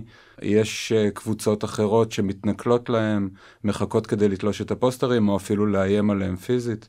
כן, הבנתי שתלו אה, גם ציירו צלבי קרס על... אה, טוב, זה, זה באמת אה, לא חסר, זה קורה בכל מקום, עם או בלי קשר לקמפיין הזה, אז בטח בתקופה האחרונה שהיא מאוד אה, טעונה, זה עולה מאוד. אבל כן, במיוחד אנשים שכבר מזהים אותם עם הפוסטרים האלה, היות והם כל כך מזוהים והפכו להיות משהו כל כך אה, מתוקשר ומופיע בכל מקום, אנשים ממש מחכים, מתנכלים, ושוטרים כבר, כן, הם מכירים את הסיטואציה, הם, הם מסתובבים בעיר בשביל לחפש, להפריד. וגם לגלות הזדהות. קראתי שאחד השוטרים אמר אל מול אחת התמונות, בן ארבע, אלוהים אדירים. הממסד בכל מיני מקומות באמת התייחס לזה. ראינו גם uh, פוסט uh, של uh, מישהו שרצה לתלוש שלטים באמת ליד אחת מתחנות הסאבווי בניו יורק, ושני שוטרים ממש ניגשו אליו וסילקו אותו משם, למרות שגם התלייה עצמה של הפוסטרים היא כביכול לא חוקית על אותו קיר, אבל הם אמרו לו להסתלק משם והשאירו את הפוסטרים. היו כמה מקרים ש... אנשים איבדו את עבודתם או סולקו מבית ספר כשהם ניסו לתלוש פוסטרים. Mm.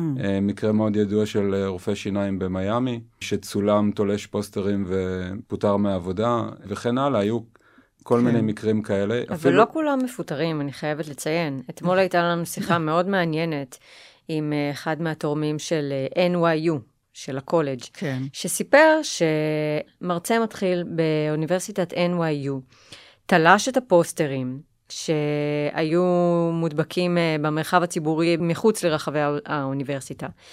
והמרצה הזה לא פוטר עדיין. זאת אומרת, התורם הזה אמר לנו ככה, אם זה היה קורה נגד הקהילה האפרו-אמריקאית או נגד uh, הקהילה הגאה, המרצה הזה היה מפוטר תוך שתי דקות. אבל בגלל שמדובר ביהודים, עושים ועדות. כן. פועלים מאוד מאוד מאוד לאט, ומי יודע אם בכלל יפטרו אותו. אבל אחד הדברים המעניינים שאתם מצביעים עליהם זו התגובה ההפוכה, כלומר, ככל שתולשים יותר, תולים יותר.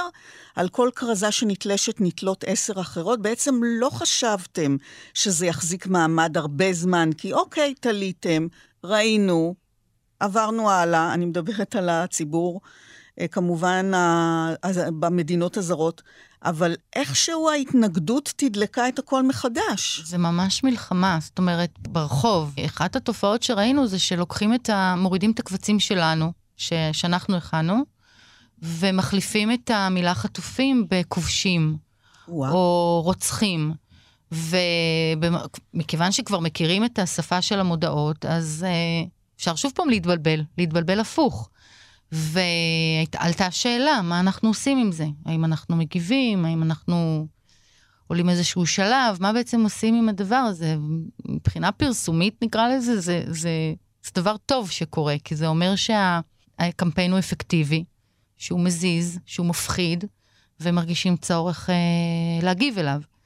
מצד כן, שני, אבל- זה תגובה, זה כמו לתלוש, זה אפילו יותר גרוע מלתלוש את ה- את כן, הכרזה. הם מחליפים את התמונה אה, בתמונות של אנשים אחרים וכותבים murdered, זה... כן, בת, בתמונות של תינוקות אה, פלסטינאים, ו- פלסטינים. והמילה אה, נרצחו, כן. או משאירים את המודעה שלנו כמו שהיא, ובמקום חטופים רושמים כובשים.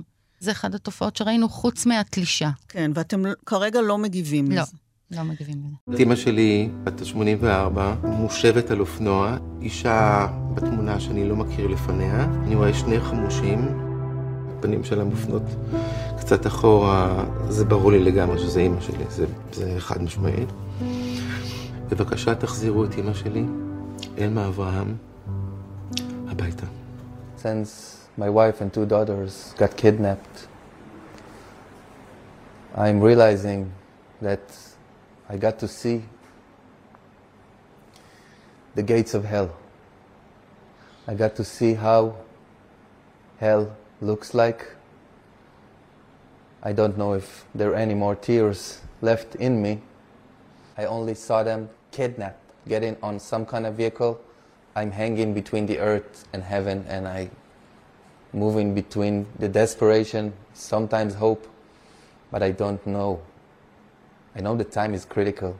I know that they need medicine. I know that they are babies. My little baby daughter Aviv is not yet three. In January, she will be three. The same month, January, also my older Raz will be five. They are celebrated together in the same month. They are good friends. They love each other. I hope that they are alive and they are well, and I hope that they are take care of each other. What happened to this house? How it became an office to save them? but I just want them to be here. I cannot start to explain to you what smart, beautiful girls they are. Mm. I can't even start. I want to remember the sound of their voice, the smell of their hair, but it's hard. I know that I have to be strong for them. The last few days, something that the body and the mind is very hard to. I don't have any psych- psychology training also, but I guess it's something that takes the spirit out of the body or something because there is a. I can't even process. And you know, the worst thing as a father who have three girls, wife, and two little babies is the guilt. Is this guilt, wife? Why are you not coming to get us? I'm thinking about them, sit there maybe if they're alive and thinking, why his daddy is not coming? And I can. I want to. I'm afraid that they will forget me. I'm afraid that they will won't recognize. You know, for children, it's a day. It's like a month for us adults. I want. I will be in their mind like they are in my mind.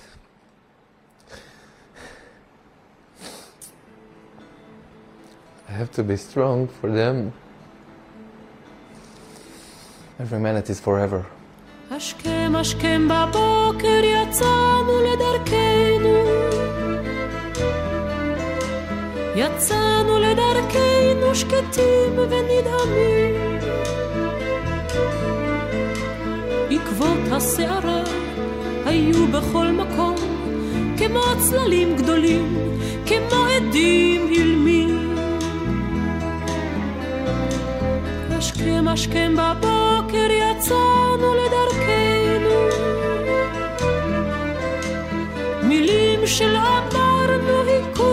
בשתיקה עקבות הסערה היו בכל מקום. ידענו שצפויה עוד דרך ארוכה. אחר כך עלתה השמש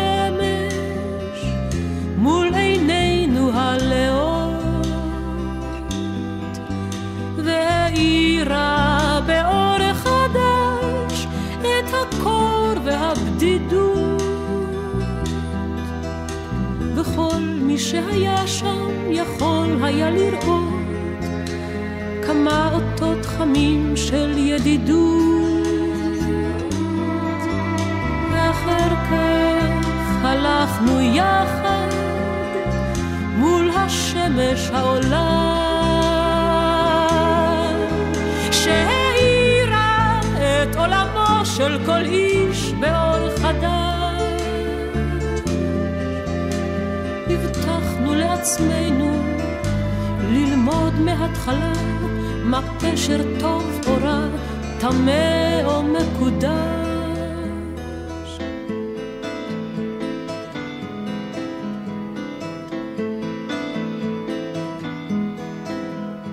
השכם השכם בבוקר יצאנו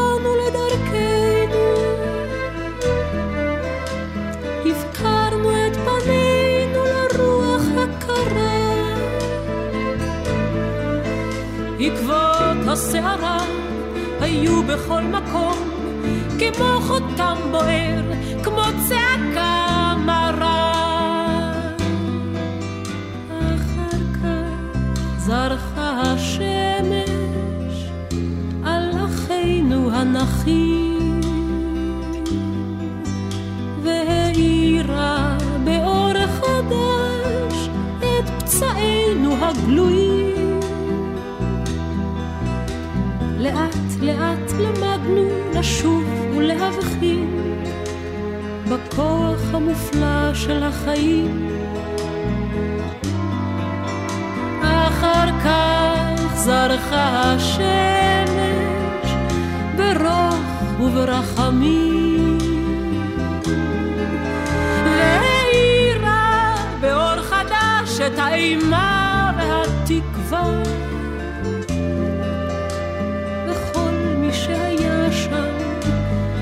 ביקש לו ניחומים וחסד ומסירות, סליחה ואהבה.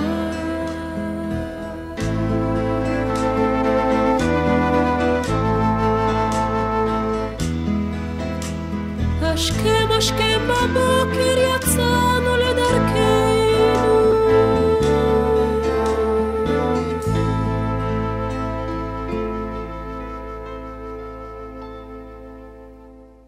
ישנם, לצערנו, נכון לרגע ההקלטה, 240 חטופים. אתמול, לשמחתנו, שוחררה אחת החטופות, אבל עדיין זה המון אנשים, המון פנים ושמות, וכל אחד הוא עולם ומלואו, ומשפחה וחברים. ואני יודעת שכל אחד מאיתנו זוכר חלק מן התמונות ומהסיפורים לגביכם, שאתם בעשייה, בתפקוד. בהוצאה אל הפועל של המפעל העצום הזה, יש בכלל רגעים של חיבור אישי, רגשי, שאתם מאפשרים לעצמכם לבוא במגע עם המהות הפנימית של הדבר הזה, להתחבר באופן ספציפי למישהו?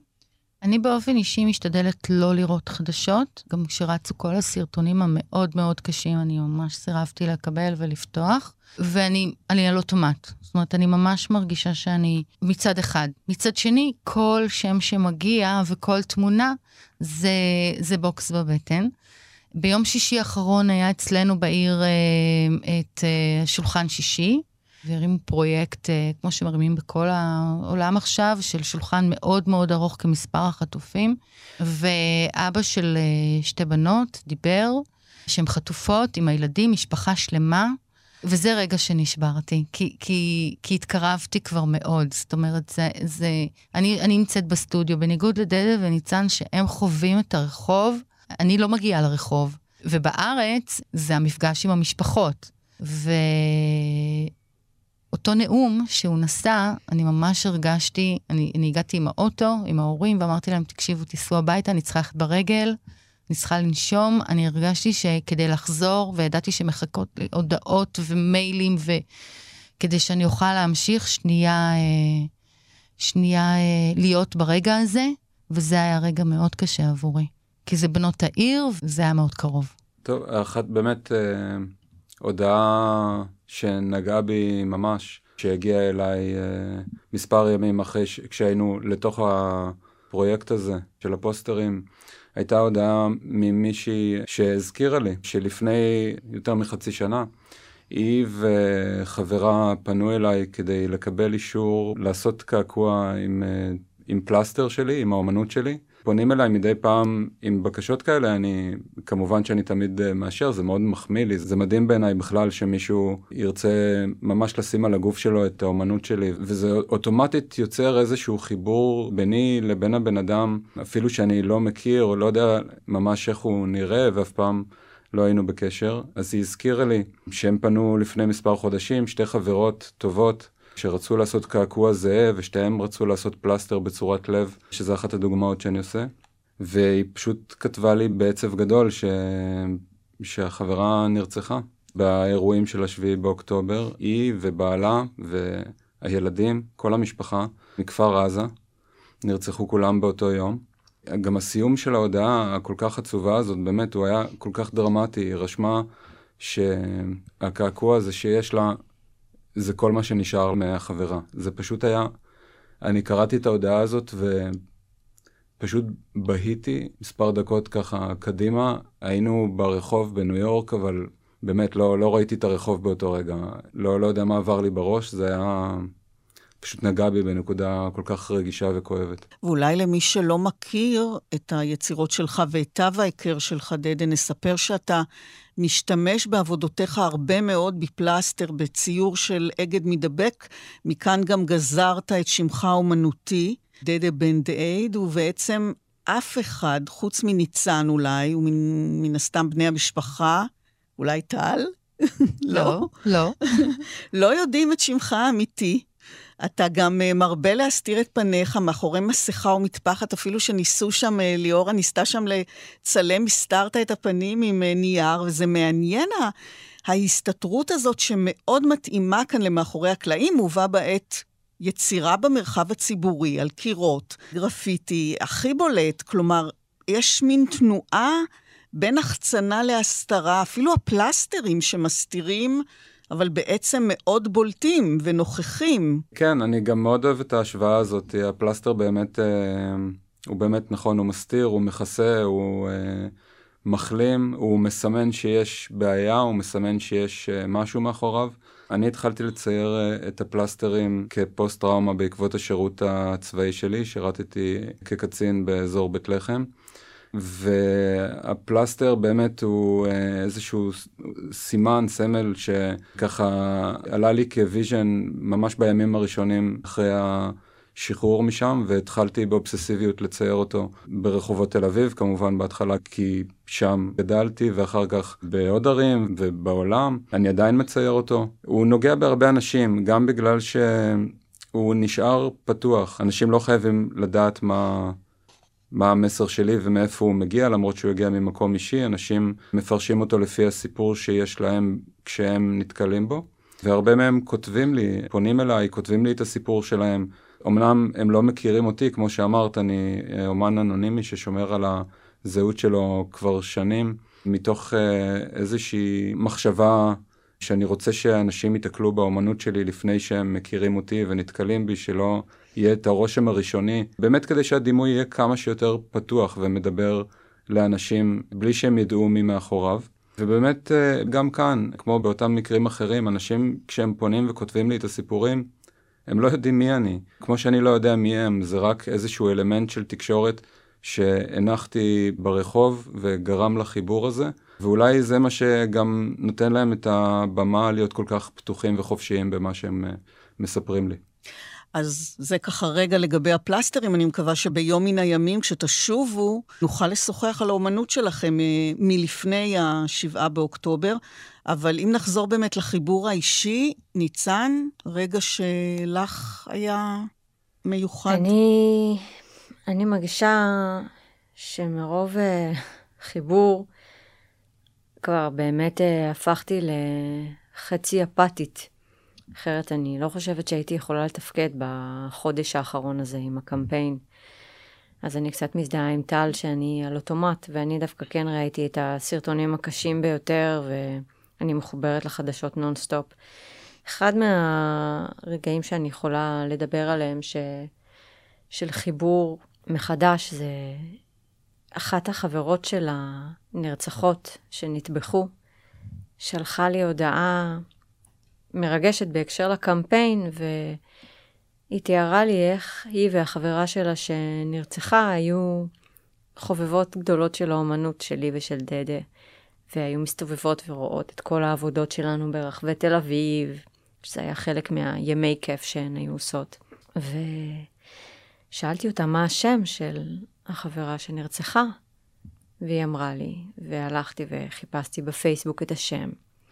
הסתכלתי על הפנים שלה, ולא הכרתי אותה אישית. ואז אמרתי, טוב, אני, אני אסתכל בהודעות, וכל כך קיוויתי שאין ביני לבינה תכתובת. אבל הייתה, הייתה בינינו תכתובת. ברביעי לאוקטובר הייתה התכתובת האחרונה שנעשתה בינינו, שבה היא כתבה לי שהיא מאוד רוצה להזמין את דדה ואותי לעשות הרצאה על האומנות שלנו מול uh, תלמידים שלה, מול uh, כיתה גדולה, איזושהי סדנה, לא בדיוק הבנתי עדיין על מה היא מדברת, וכתבתי לה שאני אשמח לקבל עוד פרטים, ונתתי לה את המייל שלי, והתחלנו לגלגל את זה להצעת מחיר, שיחה מאוד נחמדה כזאת, היא הייתה מאוד מקסימה. ובאמת חיכיתי, זוכרת שחיכיתי בימים שלאחר מכן לקבל מייל ממנה, ועבר יום, יומיים. זה לא שישבתי וחיכיתי למייל, אבל עדיין, כשמתחילים לגלגל את זה להצעות מחיר, אז תוהים למה, למה אדם מתמהמה. ועכשיו אני, אני יודעת שאני לעולם לא אקבל ממנה מייל. כן. יש מחשבות איך ממשיכים הלאה? איך מתדלקים את זה כל הזמן? זה, זה יכול לארוך זמן רב, הסיפור הזה. ז, זו שאלה קשה, כי אה, במהלך כל התקופה היו כל מיני גלים שהרגשתי בעשייה מאוד גדולה, וכמה זה חשוב, וכמה... ופתאום נכנס איזה עניין פוליטי, או מישהו אמר, כמו בכל דבר, וניצן ואני חווינו ביקורת ואגו, ענייני אגו, ואז אמרתי לעצמי, בשביל מה אני צריכה את זה? אבל מבחינתי זו לא אופציה. זאת אומרת, אני הבטחתי לעצמי, וקודם כל לעצמי, ואחר כך אני גם אומרת את זה, אז זה גם נמצא שם בחוץ, אז גם אם יש לי רגעים ששנייה אני מתלבטת, אז אני אומרת, לא, הבטחת. לא לעצור עד שנושא החטופים נפתר, עד שהח... ומה זה נפתר? שהם כולם חוזרים הביתה בשלום. אני לא יודעת באיזה קונסטלציה זה יהיה. אנחנו, כל יום הוא יום חדש, כל יום זה משתנה, כל יום זה מתפתח, ואני לא יודעת איך זה ייראה עוד אה, שבוע מהיום, ומה יקרה. אבל איך מחזיקים את זה חי, את, את, ה, את מה שאתם עושים? אין ברירה. זאת אומרת... אה, לא, השאלה אם אתם חושבים על... דברים אחרים, על, על, על כל הזמן להמציא את עצמכם מחדש, כי... זה שיחות שיש לנו הרבה, רק אתמול בערב שוחחנו על זה, האם צריך לעשות משהו חדש, האם צריך לעלות שלב, האם צריך להכניס את זה, זה התחיל כקמפיין גרילה, האם כן. צריך להכניס את זה לאיזושהי מסגרת יותר מאורגנת, יותר מסודרת, להתחבר לאיזושהי עמותה. כל הדברים האלה כל הזמן עולים.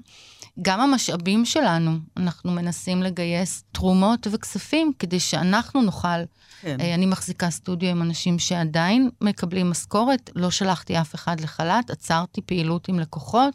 לגמרי, אני לא מקבלת לקוחות חדשים, ויש מחשבות איך להמשיך ואיך אה, לעשות כן. את זה ברמה הפרקטית. לא ברמה האידיאולוגית או המחויבות, שם אין לי, אה, אין לי, אין לי חשיבה אה, אחרת. ניצן, דדה? זו שאלה טובה, כי אנחנו באמת עצרנו את כל החיים שלנו, את כל מקורות הפרנסה שלנו.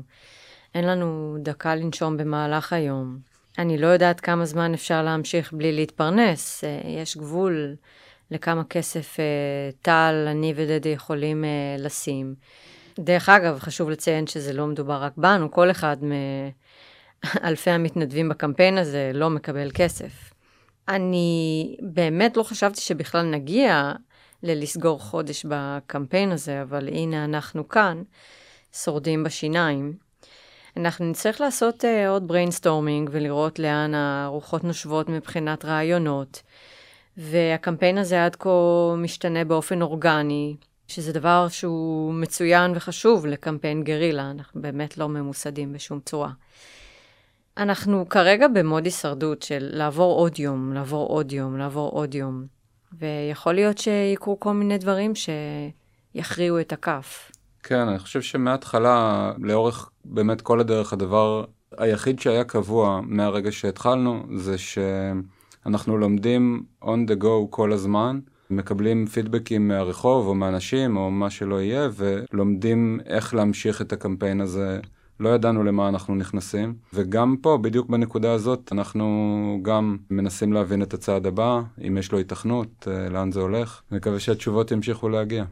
את אמרת לי, ניצן, אה, כשדיברנו לפני כמה ימים, שאת מרגישה שאין לך שליטה על כל הדבר הזה. את עדיין מרגישה אין לי שליטה.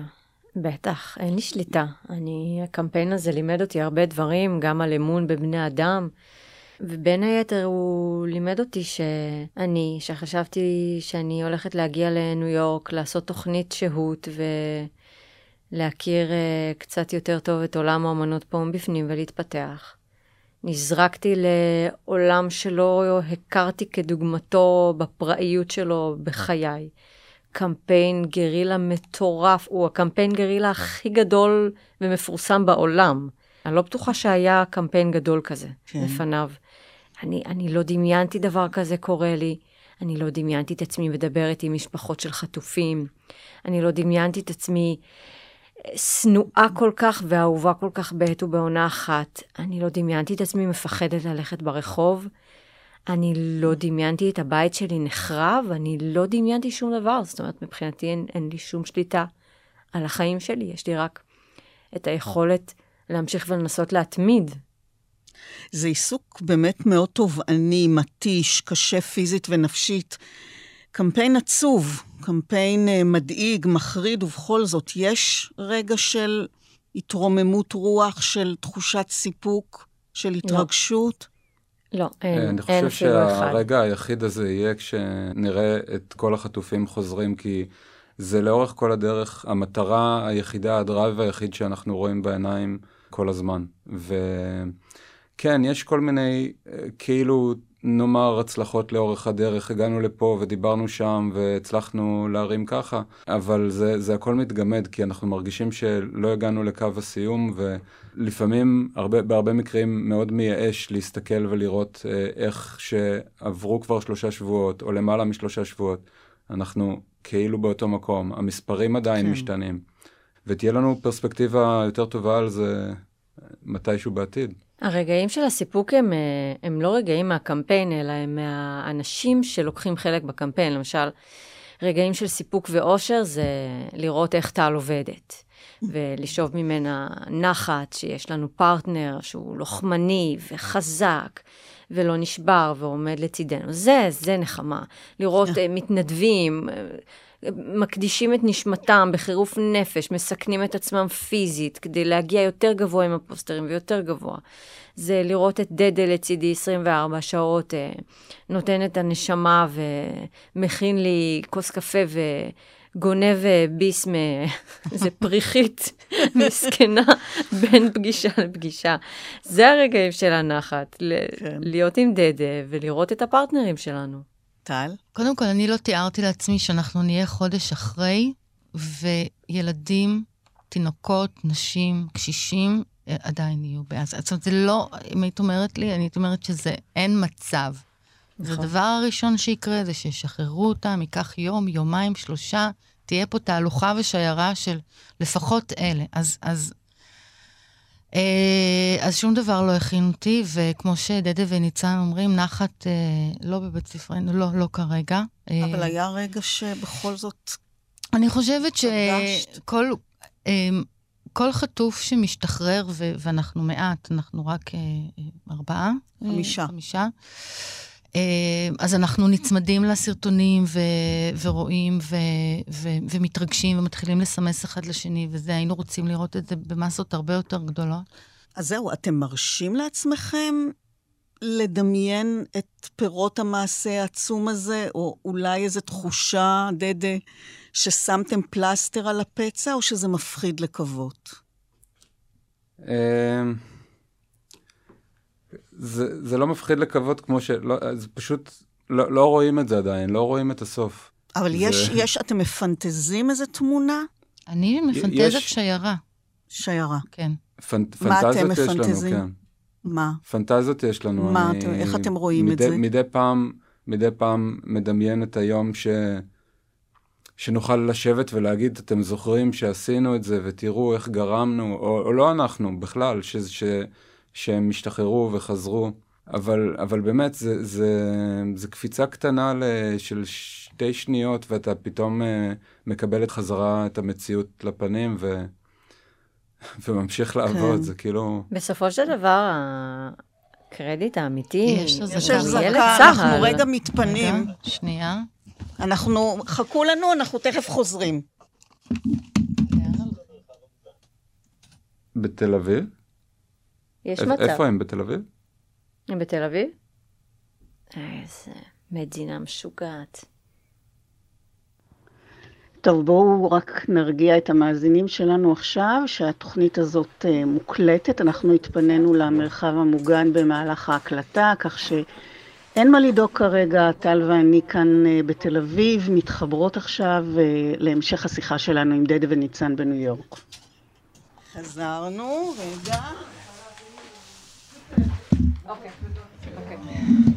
מה, מה היה, מאמי? רגע, אתם, אה, זה, אתם איתנו? כן, הייתה אז... אתם... הייתה אזעקה, כן. כן, זה אוקיי. טעימה מהמצב האותנטי. טוב, אז טוב, בואו בואו בואו נחזור. רגע ננסה להחזיר את עצמנו ל- ל- למומנט הזה. שאלתי אתכם אם אתם אה, מפנטזים איזושהי סיטואציה, אז אני למשל, אה, לא יודעת, אני חושבת אולי שכל אחד מהחטופים יבוא ויתלוש את התמונה שלו מהקיר. וואו, אני לא חשב... לא, אין לנו פנטזיות לא, כאלה. כזה דבר לא חשבתי. כן. האמת שאנחנו לא לוקחים, אה, כאילו, הקרדיט לשחרור של החטופים הוא לצה"ל, כן? כאילו, אנחנו לא נאיביים אה, לחשוב שהקמפיין שלנו הוא זה שבאופן ישיר הרים אותם מעזה והחזיר הביתה. זה עוד מערך שלם שמטרתו הסברה. וישבתי עם uh, בוגר הרווארד, בן אדם מקסים שהיה סטודנט של uh, פרופסור שעסק בתיווך בין מדינות והחטופים שלהן. והוא סיפר לנו שלאו דווקא האנשים שאנחנו חושבים שהם אלה שאמורים להיות אחראים על המשאים ומתנים, הם אלה שבאמת עוסקים בזה. הוא תיאר נניח, לצורך העניין, מצב שבו ארצות הברית צריכה לשחרר חטופים שהם אזרחים שלהם, ודווקא פוליטיקאים איטלקים הם אלה שמצליחים לעשות את זה. ואני חושבת ש... הקמפיין שלנו מצליח לעשות בדיוק את זה. הוא שולח זרועות לכל העולם, ככה שכל העולם יראה את זה, ומי שיכול לעזור, מי שצריך להציף מולו את העניין, יוכל לראות את זה מול העיניים שלו תמיד ולעזור. אבל בסופו של דבר, מי שייקח את האנשים ויחלץ אותם, זה צה"ל. וצה"ל הוא זה שעושה את העבודה. כן. הפנטזיה שלי היא שכל החטופים חוזרים ומודיעים לי על זה. אני רצה ברחובות ניו יורק ואני מחבקת אנשים זרים. פשוט נופלת עליהם. פשוט נופלת עליהם ומחבקת אותם ומרקידה אותם ברחוב בניגוד לרצונם. מדברים איתי, הרבה אומרים לי איזה קמפיין מוצלח, הצלחה, מדברים על הצלחה, ואני לא חווה הצלחה. זאת אומרת, מבחינתי הצלחה תהיה כשהחטופים ישתחררו ויחזרו הביתה בשלום, ו- וכשאני מדברת על זה עם אנשים אומרים לי, זה לא באחריותך, זאת אומרת, אל תיקחי את זה על הכתפיים שלך, זה לא... וכרגע מאוד קשה לי להפריד, זאת אומרת, ברור לי לגמרי שלא הקמפיין הוא זה ש... יחזיר את החטופים. וכמו שניצן אמרה, המטרה שלו לייצר כזה רעש ברחובות כדי להשפיע כל מדינה ומדינה על מקבלי ההחלטות אצלה, וכמה שיותר לטפס למעלה, ושיראו ש... שאנשים לא יושבים בשקט, והרחובות יבערו. אבל אני לא יכולה לדבר במונחים של הצלחה כרגע. טוב, אנחנו את הטיפה שלנו נתנו, אני חושבת. ניצן מינץ, דדה בן דייד, טל הובר, החמ"ל הראשי, היוזם, המבצע, שעומד מאחורי הקלעים של אה, קמפיין השבת החטופים שלנו מעזה הביתה. תודה ענקית על כל מה שאתם עושים. תודה לכם על השיחה הזאת למאחורי הקלעים. נודה גם לכל המערך הטכני שאפשר את ההקלטה הזאת, תל אביב-ניו יורק. אהרון כהן, ליאורה נועם, אלן בלייק, דייב אברמסון, כולם מתחנת הרדיו WNYC, The New York Public Radio, שערכו את שני המרואיינים שלנו שם, צמד האומנים דדה בנדאייד וניצן מינץ, לאשת הקריאייטיב והמעצבת טל אה, הובר, וכמובן אה, לצוות שלנו כאן בתל אביב, שלומי יצחק, שמוליק לדרמן, יוסי קאופמן, אני רותי קרן, מגישה ועורכת. הלוואי שכולם יחזרו בשלום. אני, אני חושבת, אני, מילה אחת, כן. אה, לשלושתנו מאוד מאוד חשוב להודות באמת לכל המתנדבים, גם ברחובות, גם אנשים שיצאו לרחובות, אבל גם הצוות שעובד איתנו, לענבר ולשירה. ולצוות שלי במשרה, ולרוני, ו- וליותם, ואנשים מדהימים. קובי. יאיר. לטלה. אין סוף. אין סוף. טוב, אמרת, עשרת אלפים איש אמרת, נכון? עשרת אלפים איש צריך להודות. מאוד חשוב לנו להודות, כי הם פשוט בלעדיהם, אנחנו, זה לא היה קורה. תודה רבה לכולם. ותיכנסו לאתר www.kidnappedfromisrael.com וקחו חלק בקמפיין. אני במקור מקיבוץ ניר עוז. ההורים שלי, אברהם וחיותה, יצאו משם בנס, וכרגע כל מה שמחזיק אותנו זה אנשים יקרים ואהובים ומוכשרים כמוכם, שהתנדבו לעשות קמפיין מטורף שרץ בכל העולם. אני בקשר ישיר עם המשפחות של החטופים. אתם זה כל מה שיש לנו וזה המון. ותודה עליכם ותודה על כל מה שעשיתם עד עכשיו. אנחנו לא נוכל אף פעם להודות לכם מספיק, אבל ממש ממש ממש המון תודה. האילנות כל כך כבדים, כופף הפרי את הבדים, זו השעה המרגיעה, בה נרדמים הילדים, אל הבקעה מן הגלעד, טל שחור ורך ירד, כבשה פועה, בוכה בדיר, זה בנה הכת אשר עבד. ישוב חיק האם, ישכב בדיר וירדם, והכבשה תשק אותו, והיא תקרא אותו בשם. נסתר הליל בין הבתים, והנביא הגלעדי יורד דומם אל הבקעה, לחזות בשנת הילדים. ישוב תלל חיק האם, ישכב בדיר וירדם, והכבשה תשק אותו, והיא תקרא אותו בשם.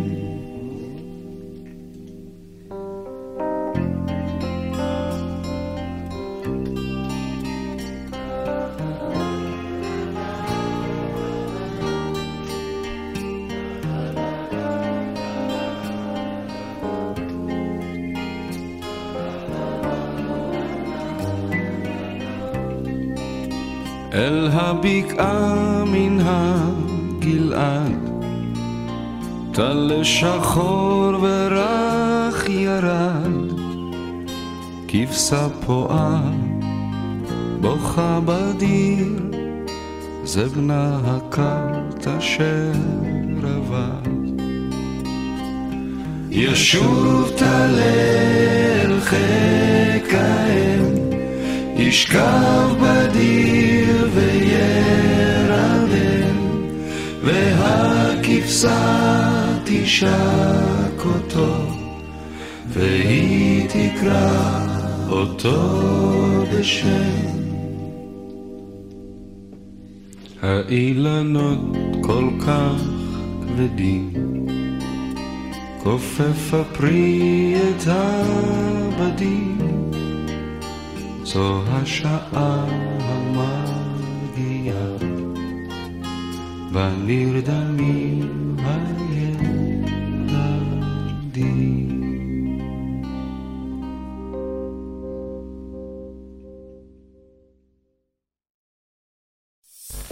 אתם מאזינים לכאן הסכתים, הפודקאסטים של תאגיד השידור הישראלי.